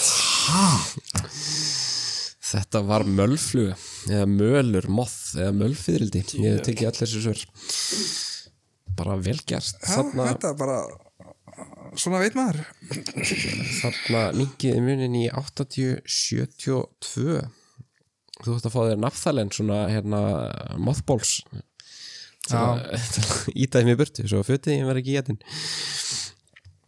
þarna eru þau búin að vinka munin það munar bara áttastígum á liðunum ein bjalla á milli þá förum við í áttundu bjöllspinningu spurtur um uppfinningu uppfinningin á rætu sína að rekja til ársins 1937 þegar verkfræðingurinn Vincents Grunvogel hannaði frumtipu uppfinningarinnar í bænum Svelm í Þískalandi Svipuð hönnun var notið í spænsku borgarastyrjöldinni en svo hönnun var mert fyrirtækinu Ambibud Pressverk GmbH. Uppfinningin var þróuð að beðni þýska hersins en þeir höfðu tekið fram að einn hermaður ætti að geta borið tvö eintöku af uppfinningunni þegar hún var í full hlaðin en fjögur eintöku af henni þegar hún var í tóm. Form uppfinningarinnar var svo valið í þeim tilgangi að hægt væri að stapla henni. Árið 1939 átti þýski herin þúsundir af uppfinningunni, uppsapnað ef skef kynni að Þýskaland færi í stríð. En á enskri tungu dregur nafn uppfinningarinnar sig einmitt af því heiti sem að vestrænir bandamenn Þetta er Ingi og Nikar. Þetta er sem sagt Svo ítla í sík Þetta er Jerrycan, þetta er atna, bensínbrúsin fræði Já, Ég held ég alveg örgulega Það er rétt. Þetta er bensínbrúsi eða Jerry Can. Það kallar náttúrulega Jerry's þjóðurina. Vá, mm wow, því litt comeback. Þeir eru búin að jafna 80-80. Já, ég átti sérst eftir að tala um það að sérst, 39 þá fóð bandarísku verkfræðingur uh, til Indlands með eh, þýskum kollega sínum og hérna, þýski kollegin síndornum hvernig bensínbrúsan er virkuð og hvernig það verður hannaðir og hérna Hermann Göring frétt af þessu og var brjálaður og sendi flugvél eftir honum og sótt hann þannig að ekkert varða af hérna ferðinni sem að þessir tveir félagar ætlaðu að taka en þar með voru semst, bandamenn komnið með uppskristin af bensínbrúsum Þetta er nefnilega alveg magnað, ég var að horfa á eitthvað myndbætt ekkert um þetta og já, mér leiðist og atna, þetta er alveg magnað hönnun víst, þú veist. já, Þetta er ekki bara brúsi nei þá veitum við hvað þú gerir í staðin fyrir að horfa á bíómyndir Já, já Ah, það er alveg rétt Staðan er 80-80, það eru tvær bjöldspurningar eftir. Við förum í næst síðustu bjöldspurningu. Nú á dögunum sagði fórsetisráþara Breitlands Liz Truss af sér sem gerði hana að þeirri mannesku sem setið hefur í því embætti stist allra eða 50 daga. Það eina sem getur mögulega bjarga þessari skömmu dvöl hennar á dáningstræti 10 frá því að falla í glimskunar dá er svo staðrend að Elisabeth önnur Breitlandsdrottning lest skömmu eftir valdatöku Liz. Hver var fórsættisráðara Breitlands þegar Elisabeth Önnur lést árið 2022? Verður því frábær pepkvist spurning eftir nokkra áratví. Á meðan að Elisabeth satt sem drottning Breitlands sá hún ansi marga fórsættisráðara á sinni valdatíð en þeir voru 16 samtals allt frá árinu 1952 þegar faðir Elisabethar Georg VII lést og þar til Elisabeth sjálf lést 2022. En hver var fórsættisráðara Breitlands þegar að Elisabeth Þetta er Ingi og Nikar ok, uh, hver vann Churchill í kostningurum? Eh, Ykkur breyti? Já, já, já segir bara Churchill eða? Nei, ég veit að það var ekki hann sko Já, ég Hann hann var bara reytuvendur segja að Chamberlain hafa komið aftur bara, Já, Tjemblin hann kom aftur Já, já, hann fór Ok. aldrei Þið ætla að segja Neville Chamberlain Já. Það er ekki rétt að skerðir Ég algjör klára þá spurninguna uh, Hver var fórstæðsraður Breitlands þegar Elisabeth tók við sem drottning Breitlands Stefán og Magnús sko, já, Já, Churchill var kosin aftur hann var kosin aftur kringum 1950 og eitthvað og sko, er ekki eitthvað sem leikur Churchill í krán? Jú, ég man eftir senu í krán þar sem hann kemur, lætur bí eftir sér og eitthvað vesum sko, þegar hún er að uh, Ég held að sé bara Churchill sko. já, mér finnst mér, er svona, mér finnst pínu svo að hann hafi svona, hafi einhvern annar náður svona rétt í skottin á þessu og hann hafi verið kosin beint eftir, en ég er svona frekar til að diska að bara veist- Churchill já, Já, ég er ekki með neitt annað, Nei. annað nafn heldur en vinstónin sko það getur vel verið Churchill, segjum bara Churchill Blára Vinstón Lára vinstón, rauður reyndar Þetta er hár rétt yes, Málið er sko, Vinstón Tjössil var uh, hérna 1940 til 45 Svo kom þarna Clement Attlee Ah, auðvitað sem hann var sem sagt 45 til eh, 51 og þá var eh, hérna Tjössil kjörin aftur og hann var sem sagt eh, 51 til 55 staðan er þá 88-80 fyrir Stefán og Magnúsi við förum í síðustu bjöldspurninguna 10 krónu smámyndin var sett í umferð árið 1984 og var upprunnilega úr 75% kopar og 25% nikli Þessu var þá breytt árið 1996 þegar sett var í umferð ný 10 krónu mynd úr nikkelhúðuðu stáli. Á framhliði myndarinnar má sjá landvætti, líkt og á hinum smápenningunum, en á baklið hennar má sjá loðnu.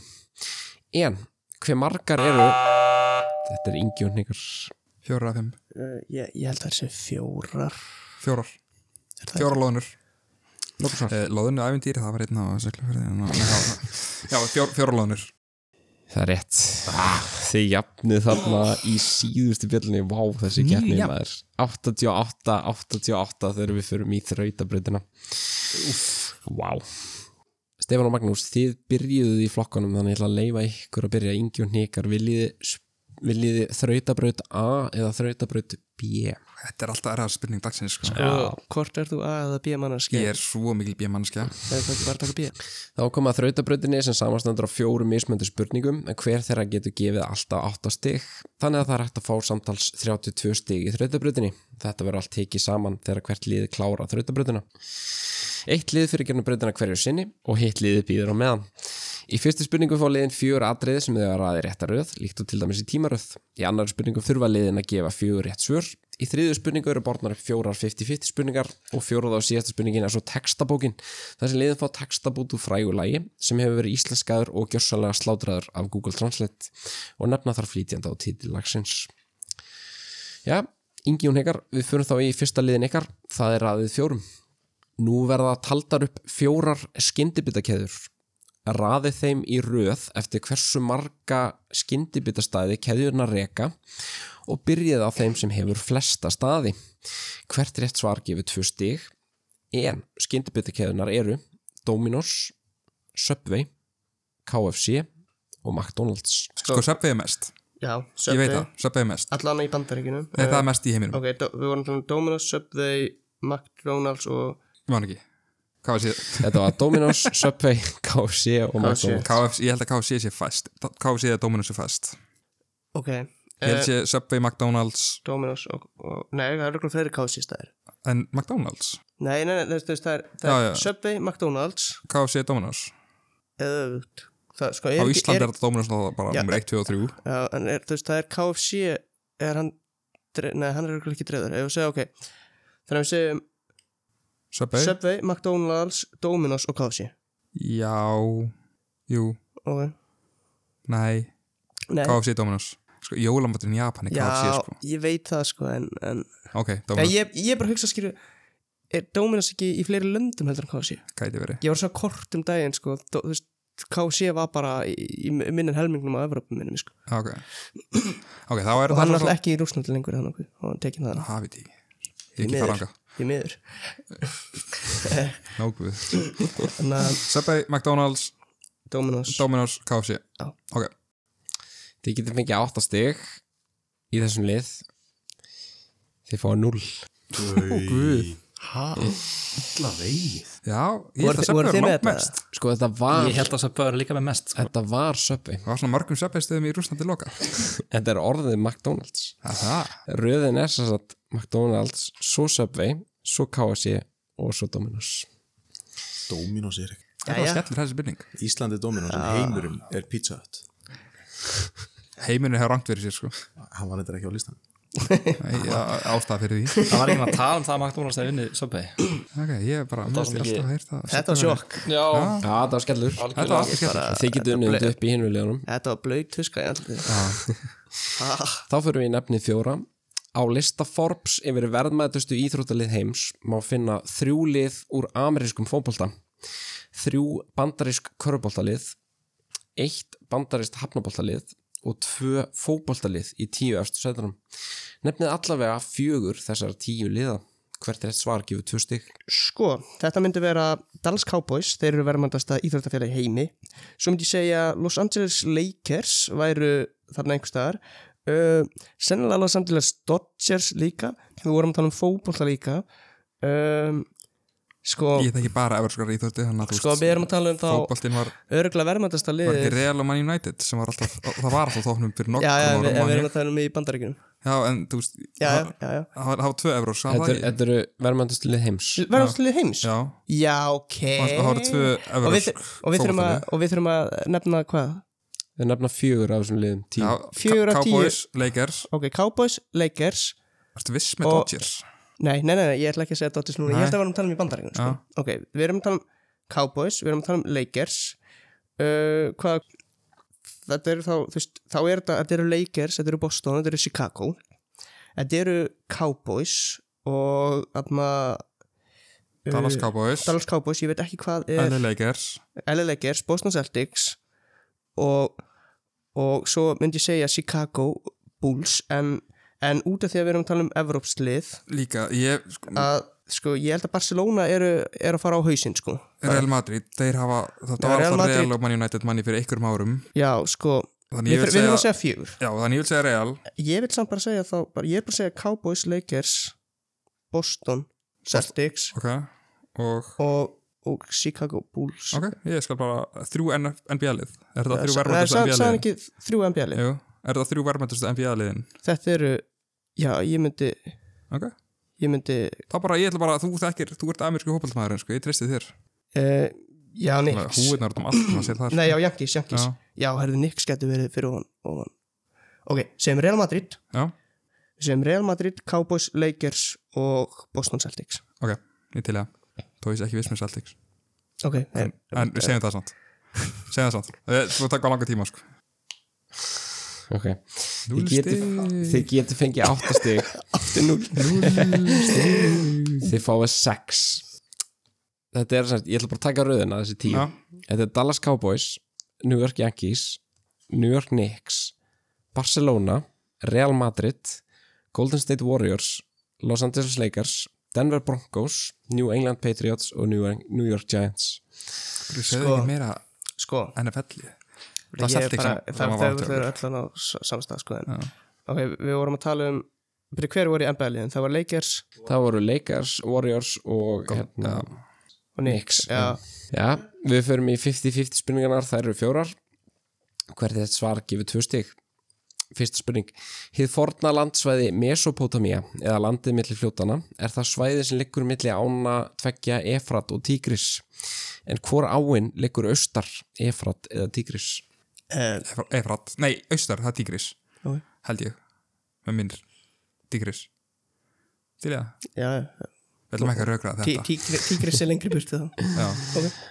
Lóksvar, Tigris Það er rétt, þetta er Tigris. við ætlum að lesa um frá vinstir til hægri sko, þannig alltaf Efrat og Tigris vinstir hægri, austar Þá förum við í aðra 50-50 spurningum. Hvort voru gerðir fleiri þættir á sjónvastáttunum Frasier eða Seinfeld?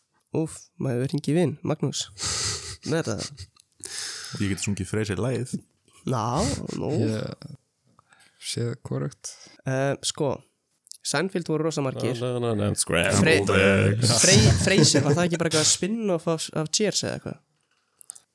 Seinfeld, og það já, heitir já. heiti spin-off já, já, Seinfeld Til þess að Seinfeld? já, já, já, Nei, þetta er Jæja. Frasier Jæja, skellur Það voru 264 þættir af Frasier og 180 á Seinfeld Það áhældi að gera nýtt Frasier Já, efni. ég hef búin að segja þetta, það er Já. í bígerð Já, það er í bígerð Sænfælt hætt á toppn Nákvæmlega Masterclass af komedi Seinfeld Þá fyrir við í þriðju 50-50 Hvort er lengri vegalengd?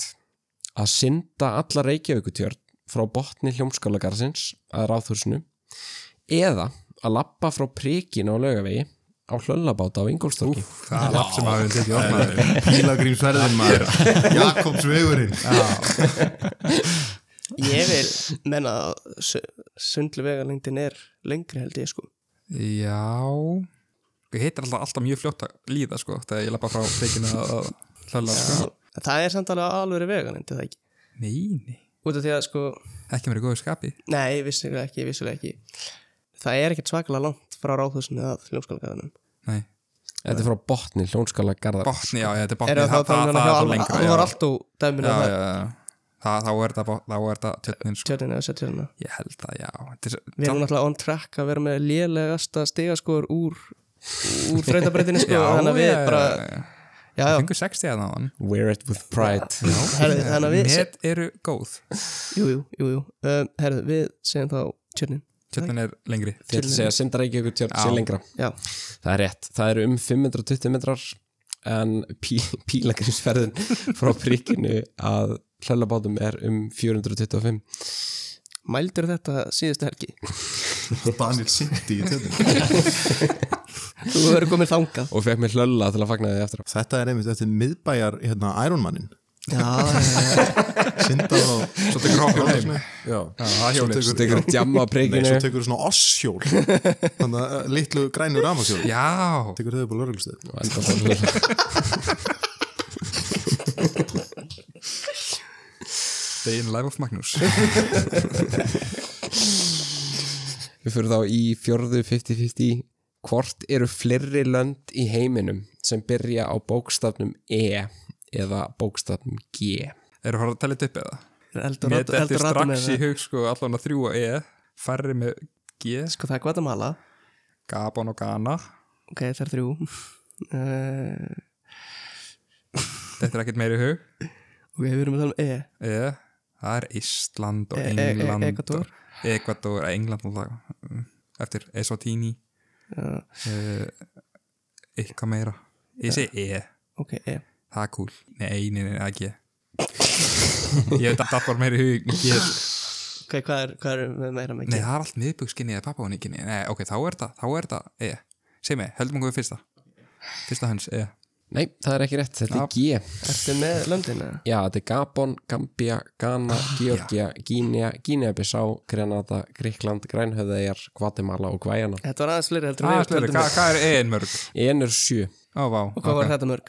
þetta voru 11. Sko, þetta er svona spurning sem að getur eitt endalusum tíma í, sko. Já, Já, Em- þetta er já, algjörlega sko. sérstaklega ef maður hefði talið við fleiri en þrjúlönd þannig að það er eitt meiri tími að Sko, ég var kent allt þegar trend er. Já, þrjú af öllu, það er Þrjú það ekki bara við nóg. fall einhver staðar eða? Þrjú á palli og Já, Já, nákvæmlega. vissulega, vissulega okay. Þá er komið að texta bókinni. Það er síðasti liður þrautabreytarinnar hjá Ingo Hnikari Uh, liðin fá að heyra textabút sem hefur verið íslenskaður og slátraður á Google Translate fyrir nafn flýtenda fórst fjögur stig og fyrir titilags fórst fjögur stig hefst þá lestur Nú ertu komin aftur þú segist vilja frelsi þitt Jæja, hver er ég að halda þér niðri? Það er bara rétt að þú spilar eins og þér finnst það en hlustaðu vandlega á hljóð einmanalega þinnar eins og hjartasláttur gerir þig brjálaðan í kyrðinni að muna það sem þú áttir og hvað þú tapaðir og það sem þú áttir og hvað þú tapaðir Sko, listen closely to the sound of your loneliness það sem þú áttir og það sem þú tapir og það sem þú áttir og það sem þú tapaðir what, what you had, what you lost, what you had, what you lost Sound of loneliness Takk, Sound of silence með Simon og Garfung Sound og sæl. Simon, það er- við tölum íslensku í Íslandi Pál Simon já, já. og listaverk Garfangel Ég er einhvern veginn, sko spyrja salin, Spyrir sannir 50-50 eða þingi vinn Já, Magnús, er þú með þetta? núna fáum við copyright strike sko. já, ok, Um, ég var bara að segja eitthvað og, og slá metið við fasti í tröðubröndinu Það er það ekki við markmið erum bara alveg núna komið alveg svo leitt, þú veist Tíu stig tíu stig, já, það er, Af það er betur en fyrir ekkert. 82 sko Já, Við hefum átt að velja að sko það er 98 stig í heldina, það er ekki fæðingar ár einhvers, Magnús, ekki þú Ég? ég veit ekki hvað þú ert gamall Ég var fættur 2005 ég ætla að vera hnikar Já, við erum fættið sama árið Já, já, málur ég er bara þá, ég er alveg blankur Já, skjóta á einhvern listamann Og Taylor einhvað Taylor Swift, Blank Spaces Ok, blank spaces með Taylor Swift já, það er ekki rétt það skerlir þetta er Dreams með Fleetwood Mac Ég hef bara aldrei heyrt það lag ekki, algjör klassík What a maður Freedom Hva- já, Hvað kapli er þetta hann? Já. Hvað hva, hva er þetta? Já, Hvað er þessi endakaplið þarna? and, Hérna, and what you lost and what you had Já þetta er um leiðu þú sagði bara, já Ég og Stefán Geir hérna úr fyrir þáttum við skelltum okkur á Fleetwood Mac þegar við vorum að túra 2015 með bara golden line-upinu sko Stevie Nicks og Lindsey Buckingham og allt það var fucking bílað maður Þetta var, Mhm. Gekkjaði tónleikar þetta var svolítið þung þrautabröð Varstu það? Já, Bara við leilir, já, já, eða það, eða það Helst þótt í hendur sko tíu stík, tíu flott tala sko. Þið fengu 10 stig, þið eru konur upp í 98 stig staðan er 98-88 þá, já, þá, ok.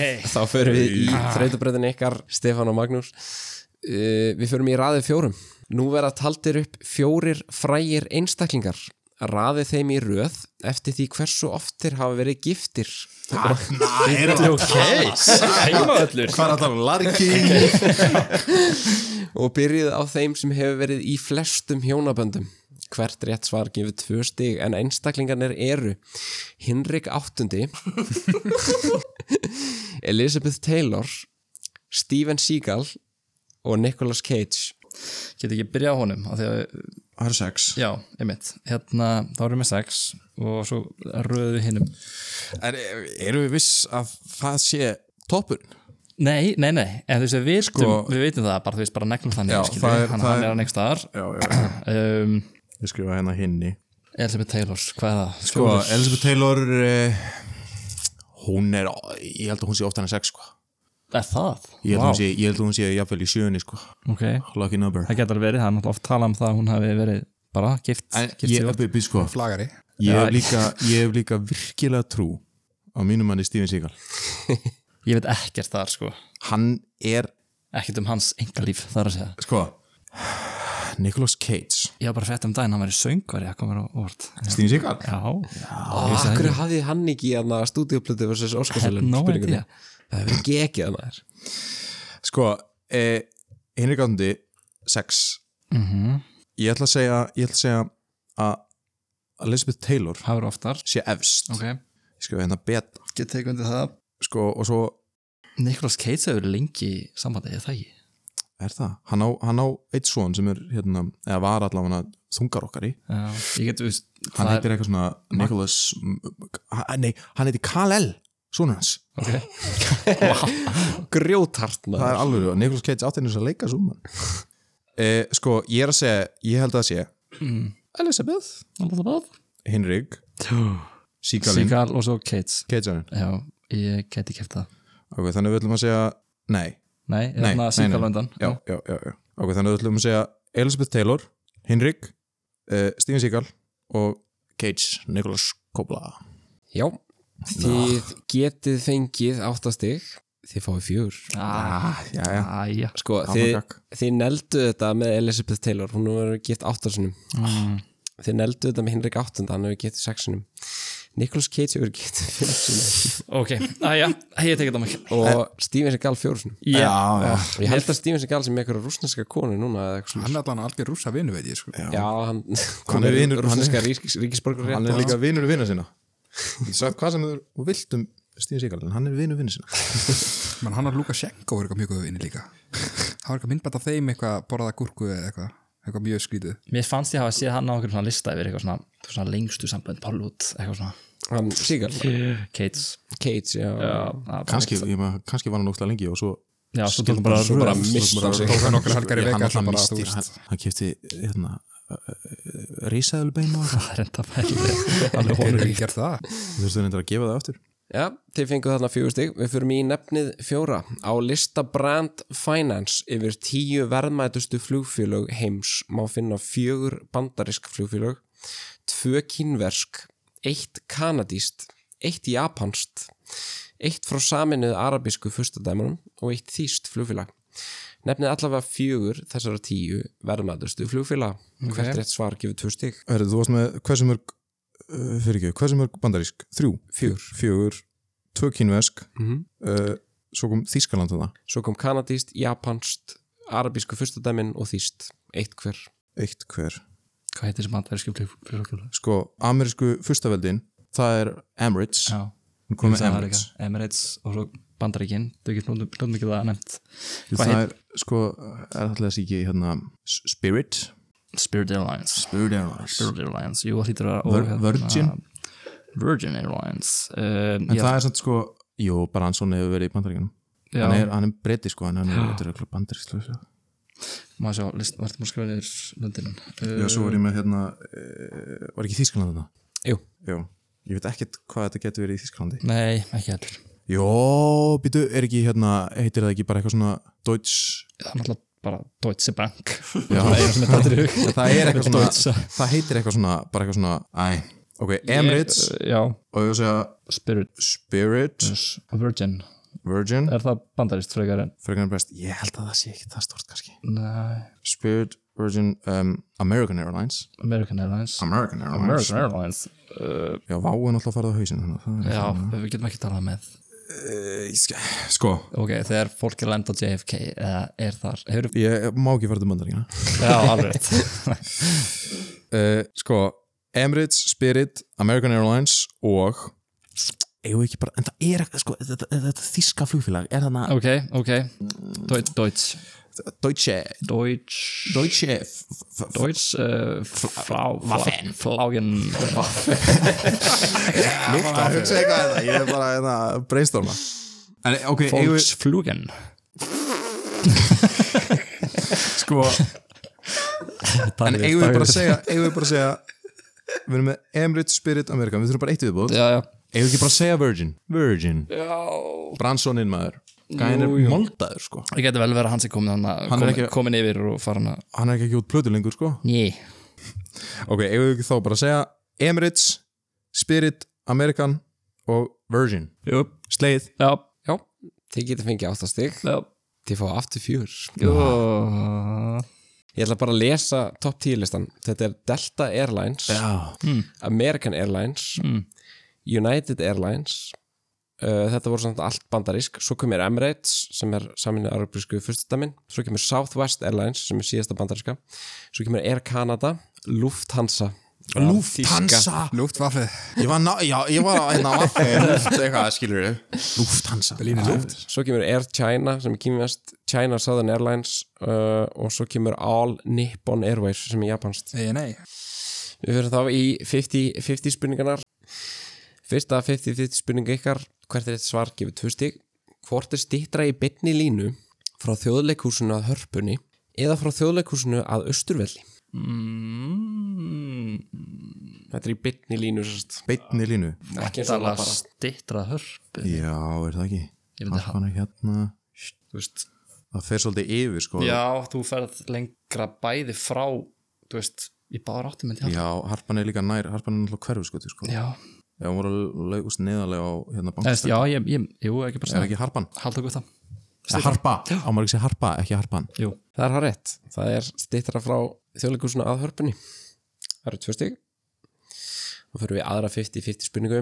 Hvort voru gerðir fleiri þættir af sjónvastáttunum How I Met Your Mother eða bandarísku útgáfu The Office? uh, ok, Houndsmore tíu serjur er Já, En office er níu. bara átta að nýja eða tíu og Houndsmore var held ég alveg þá consistently margar margir þættir í hverju serju Office byrjaði eitthvað bara Þú hvað veist, það- sex, eða þú veist, það var bara sex þættir í hverju serju eða Já, eitthvað. jú. eða þú veist, í fyrstu serjun allan Ég held sé, jú Og það eru bara svona, það eru sjö, átta ég held að sé líka alveg 22 þættir eitthvað í hverju Houndsmore serju Já, ef ekki segja ég frekar Houndsmore jú, Lóksvar. Já. Já, Sko, það er mjög lítill munir á þessum þáttum. en þetta er rétt, næja Annar er sérst með 208 þætti en hinn 201 og þetta voru nýju seríur af How I Met Your Mother og átta minni með Office um, en þetta er rétt, Ó, það er How I Met Your Mother Hvað er það? Ég var sko farin að horfa eitthvað undir borðið bara, já, ég, Æ, það fer bara heim ég get bara að skammast mín. Þá fyrir við í þriðju 50-50 spurningum Hvor þýska borgin liggur vestar? Dortmund eða Dusseldorf? Líkur vestar Double D Double D Double G eða Dusseldorf ég veit ekkert Nei, hvar þessar ég veit borgir það eru ekki heldur. ég veit eiginlega sem ég ekki hvar Berlín er ég veit hún er í Þýskalandi ég veit ekkert hvað hún er Nei, ok. Ég hef svona tilfinning um Berlin og, og München. Nei, ég ætla að segja, ég, ég ætla að segja að Dusseldorf sé vestar Í, mér fannst það líka, eða, það er ekki með, ég fekk svona hans. já, Þannig að ég er alveg til. treysta hansinu Já, Þetta er að segja Dusseldorf já. Það er hár rétt Það eru tvö stig Þá fyrir við í síðustu 50-50 spurninguna ykkar Hvort eru fleiri lönd í heiminum sem byrja á bókstafnum R eða bókstafnum D R, hvað er það? Sko, D, það með, Hvað, Rwanda já, e, e, hérna Rússland já. Rrrr. Má ég ætla að hætta þessu uh, Rómenía Já, Rúmeníja. Honda Og R var bara Rwanda, Rúmeníja, Rúmenía, svo er eitthvað annað er, það, er þarna í Afríku. Rússland náttúrulega. Rússland, en Eh, og- svo er eitthvað annað þarna Rwanda og Rrrr. Renegal Rwanda og Rúganda. Já, Herðu, sko, eigum við að gera eitt já. á ég setja blíjant á baku mig og þú velur og hendið sem er með blíjantinn er, Þetta er er 50-50 spurningar Sko núna erum við í hvað, fjórum báðum henn, já, ég tökum bara. hendin, hendin er, Já. hendin er D Ok. Nei, eða, eða, hérna, blíjanturinn blíjanturinn er D hún svo sagði honum, Decent end ok, blíjanturinn er D Uh, Eh, ég ætla að segja hægri. það er tómhendi Þið ætla að segja R Já. Já. The pencil has chosen. Djöfutins. Blíjandur þannig. helvítis Þetta, er, þetta eru fjögur D Það er Danmörk, Djibouti, Dominika og Dominíska liðvildið og R-in eru Rússland, Rúanda og Rúminja þrjú Voru við með þetta? Oh Sérur þið, heimskin maður. Já, Nei. ég var að hugsa, það var eitthvað annað Já, ég líka. Hreiningar Ég veist að ég er svo heldur Já, lélur. Renegal Ég er svo lélur í langa Hver getur glimt Renegal það var alveg upp að, upp að staður en að Renegade var Renegal Reisland Reisland Þá förum við í ykkar textabók Stefán Magnús Þú veist ekki. Við gerum þetta ekki að því Nei, þetta var ótrúlega heimskulegt Búin að tella þetta allt í þessu bara Nei, nei, hvert er Kristin blíjant Þetta verður að vera gott hérna, Blíjanturinn fara að vera Þetta var Útvarp geggja hérna. podcast material sko.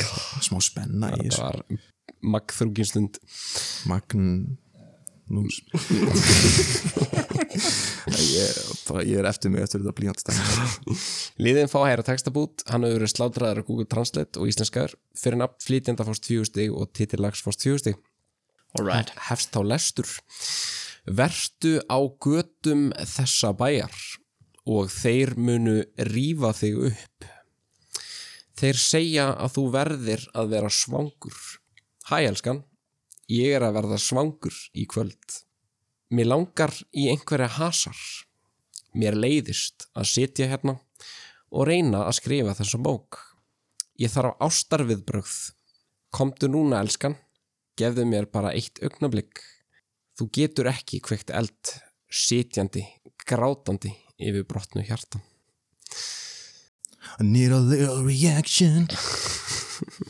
Dancing in the dark Du, du, du, du, du, du. Du, du, du, du, du, du. Við þarfum ekki að vera með svarið Já, þetta er hérna Dancing in the Dark Er það alveg viss?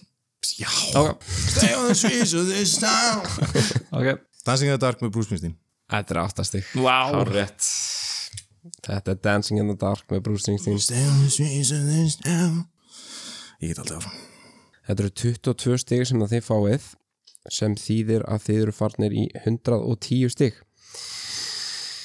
Þannig að staðan er 110-98 fyrir ykkur Stefán og Magnús en síðasti liður keppninar er eftir og það eru 24 stig í bóði þar fyrir bæði liðin Úi þannig að úrslinni ráðast á síðustu spurningunum þá er komið að loka lið kemnar það verða borðnar upp þrjár spurningar og það eru 8 stig fyrir hvert rétt svar þetta eru á 24 stig í heldina í þrýþrutin er alltaf eitthvað þema í síðasta þætti var það bílar en að þessu sinni er þemað Berlín Hvað er Berlín? Ekki, ekki spurja hvað hún er Fyrsta spurning í þrýþraut. Brandenborgar hliðið er ein þekktasta bygging Berlínar sem á Evrópu og já, heimsins ef út í það er farið. Hliðið var reist undir lok 18. aldar af Friðriki Vilhjálmi öðrum, Prússakonungi, til heiðurs Friðrik Mikla. Hliðið stendur milli tvekja varðhúsa en ofan á byggingunni má sjá rómversku sigurgiðjuna Viktoríu á vagni sem dregin er á fjórum hestum. Stittan og toppur hliðsins kvílir svo á nokkrum pörum af dóriskum súlum sem halda þessu öllu saman uppi. En hve mörg eru súlupörin sem halda uppi Brandenborgar hliðinu?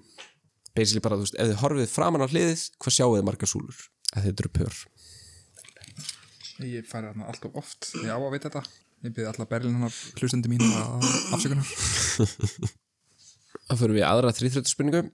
Árið 1986 bað Jerry Bruckheimer ítalska tónlistamannin Giorgio Moroder að semja romantist lag fyrir kvikmyndina Top Gun. Giorgio sló til og samti góðsagnakjandan slagara fyrir kvikmyndina sem var svo tekin upp í flutningi bandarísku nýbylgjuljónsutarinnar Berlín. En hvað hétt þetta gríðar vinsala lag hljónsundarinnar Berlín sem heyra mátti í upprunalegu Top Gun kvikmyndinni? Við fyrir svo í þriðju, þrýþrættu spurningu. Námundað að næstu heilu tölu. Hve margar miljónir manna búa í stórborginni Berlín? Yfir þetta Ég veit hvað George Moroder er, hann er sem tíling En ef við ekki bara að segja þetta Jú, hérna? jú. Er það ekki bara Jú, En ég hef ekki séð tókan ég Hefur komið okkar? Já Var mikið af fólki það? Hversu marga sástu svona cirka? Ég klitti á að telja, ég hætti eftir komin eða yfir Allt er það rendir, allt, 1, 2, 3 Sko, ef við ekki bara segja Ég fer fram Ok, og tilbaka Ég hættum fekk- bara Ég fekk hættum gjössan að bara fá þessu tilbaka Og segjum bara Segjum bara þetta Ég Erstu ekki með hana? Er ekki blæðið þitt þannig að Jú Það eru 48 súlur á drasli. Æjæjæj Nei, nei, nei, nei, nei, Æ, nei, æ, æ. nei. Þetta var flott Þetta var flott Enda þetta með reist Við förum Í þá reist, meina ég. yfir þetta. Gefa alltaf Fyrsta spurningin uh, á hversu mörgu súlupörum stendur Brandenborgar hliðið? Ingi og Nikar segja 6, Stefán og Magnús segja 4, rétt svo er 6. Ah, djöfull, Það var ah. Þetta eru 6 súlupör eða sem sagt 12 súlur í heldina. Önnur spurningin, hvað hétt lægið sem að hljómsnið Berlín söng fyrir Top Gun? Ingi og Nikar segja Dangerson og Stefán og Magnús segja Take My Breath Away og rétt svar er Take My Breath Away.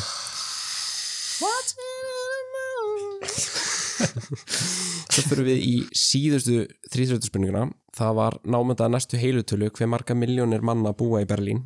Ingjón Hnikar segja 5 miljónir og Stefán Magnús segja 10 miljónir. Rétt svar er 4 miljónir.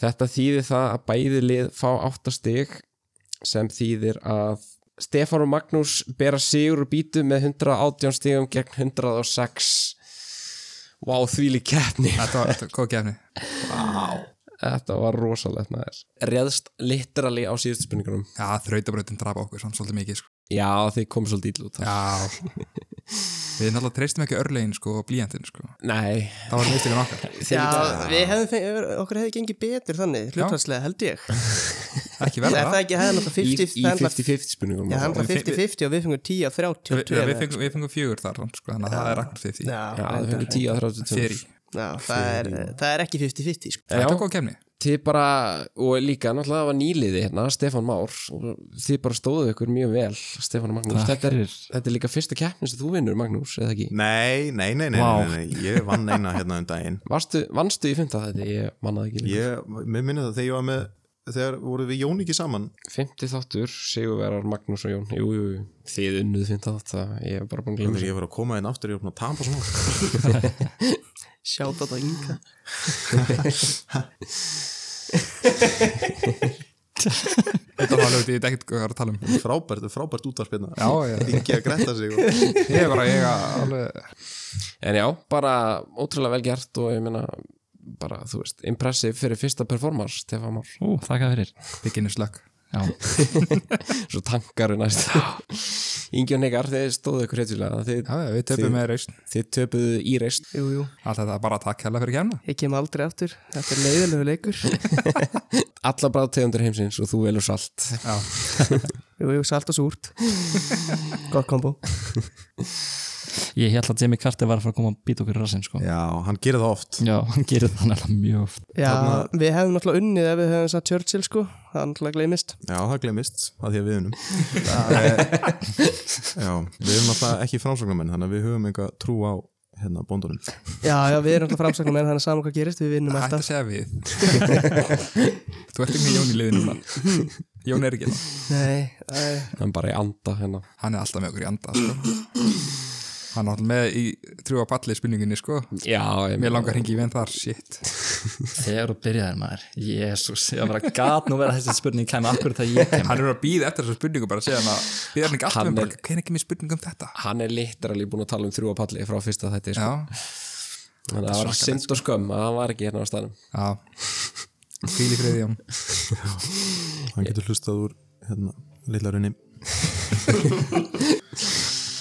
Já, úslitin eru ljós, takk hérlega fyrir góðu hlustundur, munið að deila podcastinu og endilega gefið okkur engun í því hlaðvarsforti sem þið eru að hlusta, hvort það er Spotify, Apple Podcast eða eitthvað annað.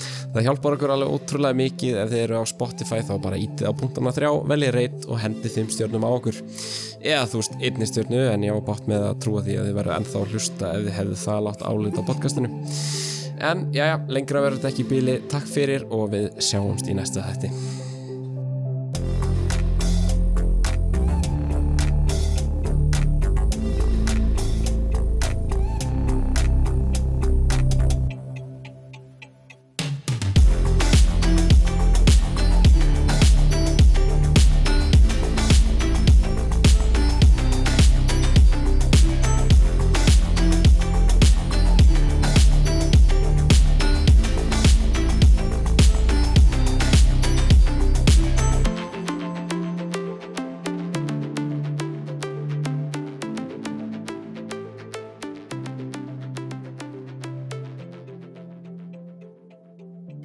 Já, bestu vinnu banna. Já, það er Er rétt hann Það, Jesú? það, pældi ég, það var sungið actually í, í salnum Það var mjög fyndið, það var, fór, var eitthvað miskilningur á læginu Það átti að vera að syngja heldur Borgo er bestuðinu barnana en svo fömbalaðist það og allt í henni var sungið Magnús er bestuðinu barnana sem var eitthvað að besta sem ég veit við höfum líka bara hár rétt jú, jú, jú.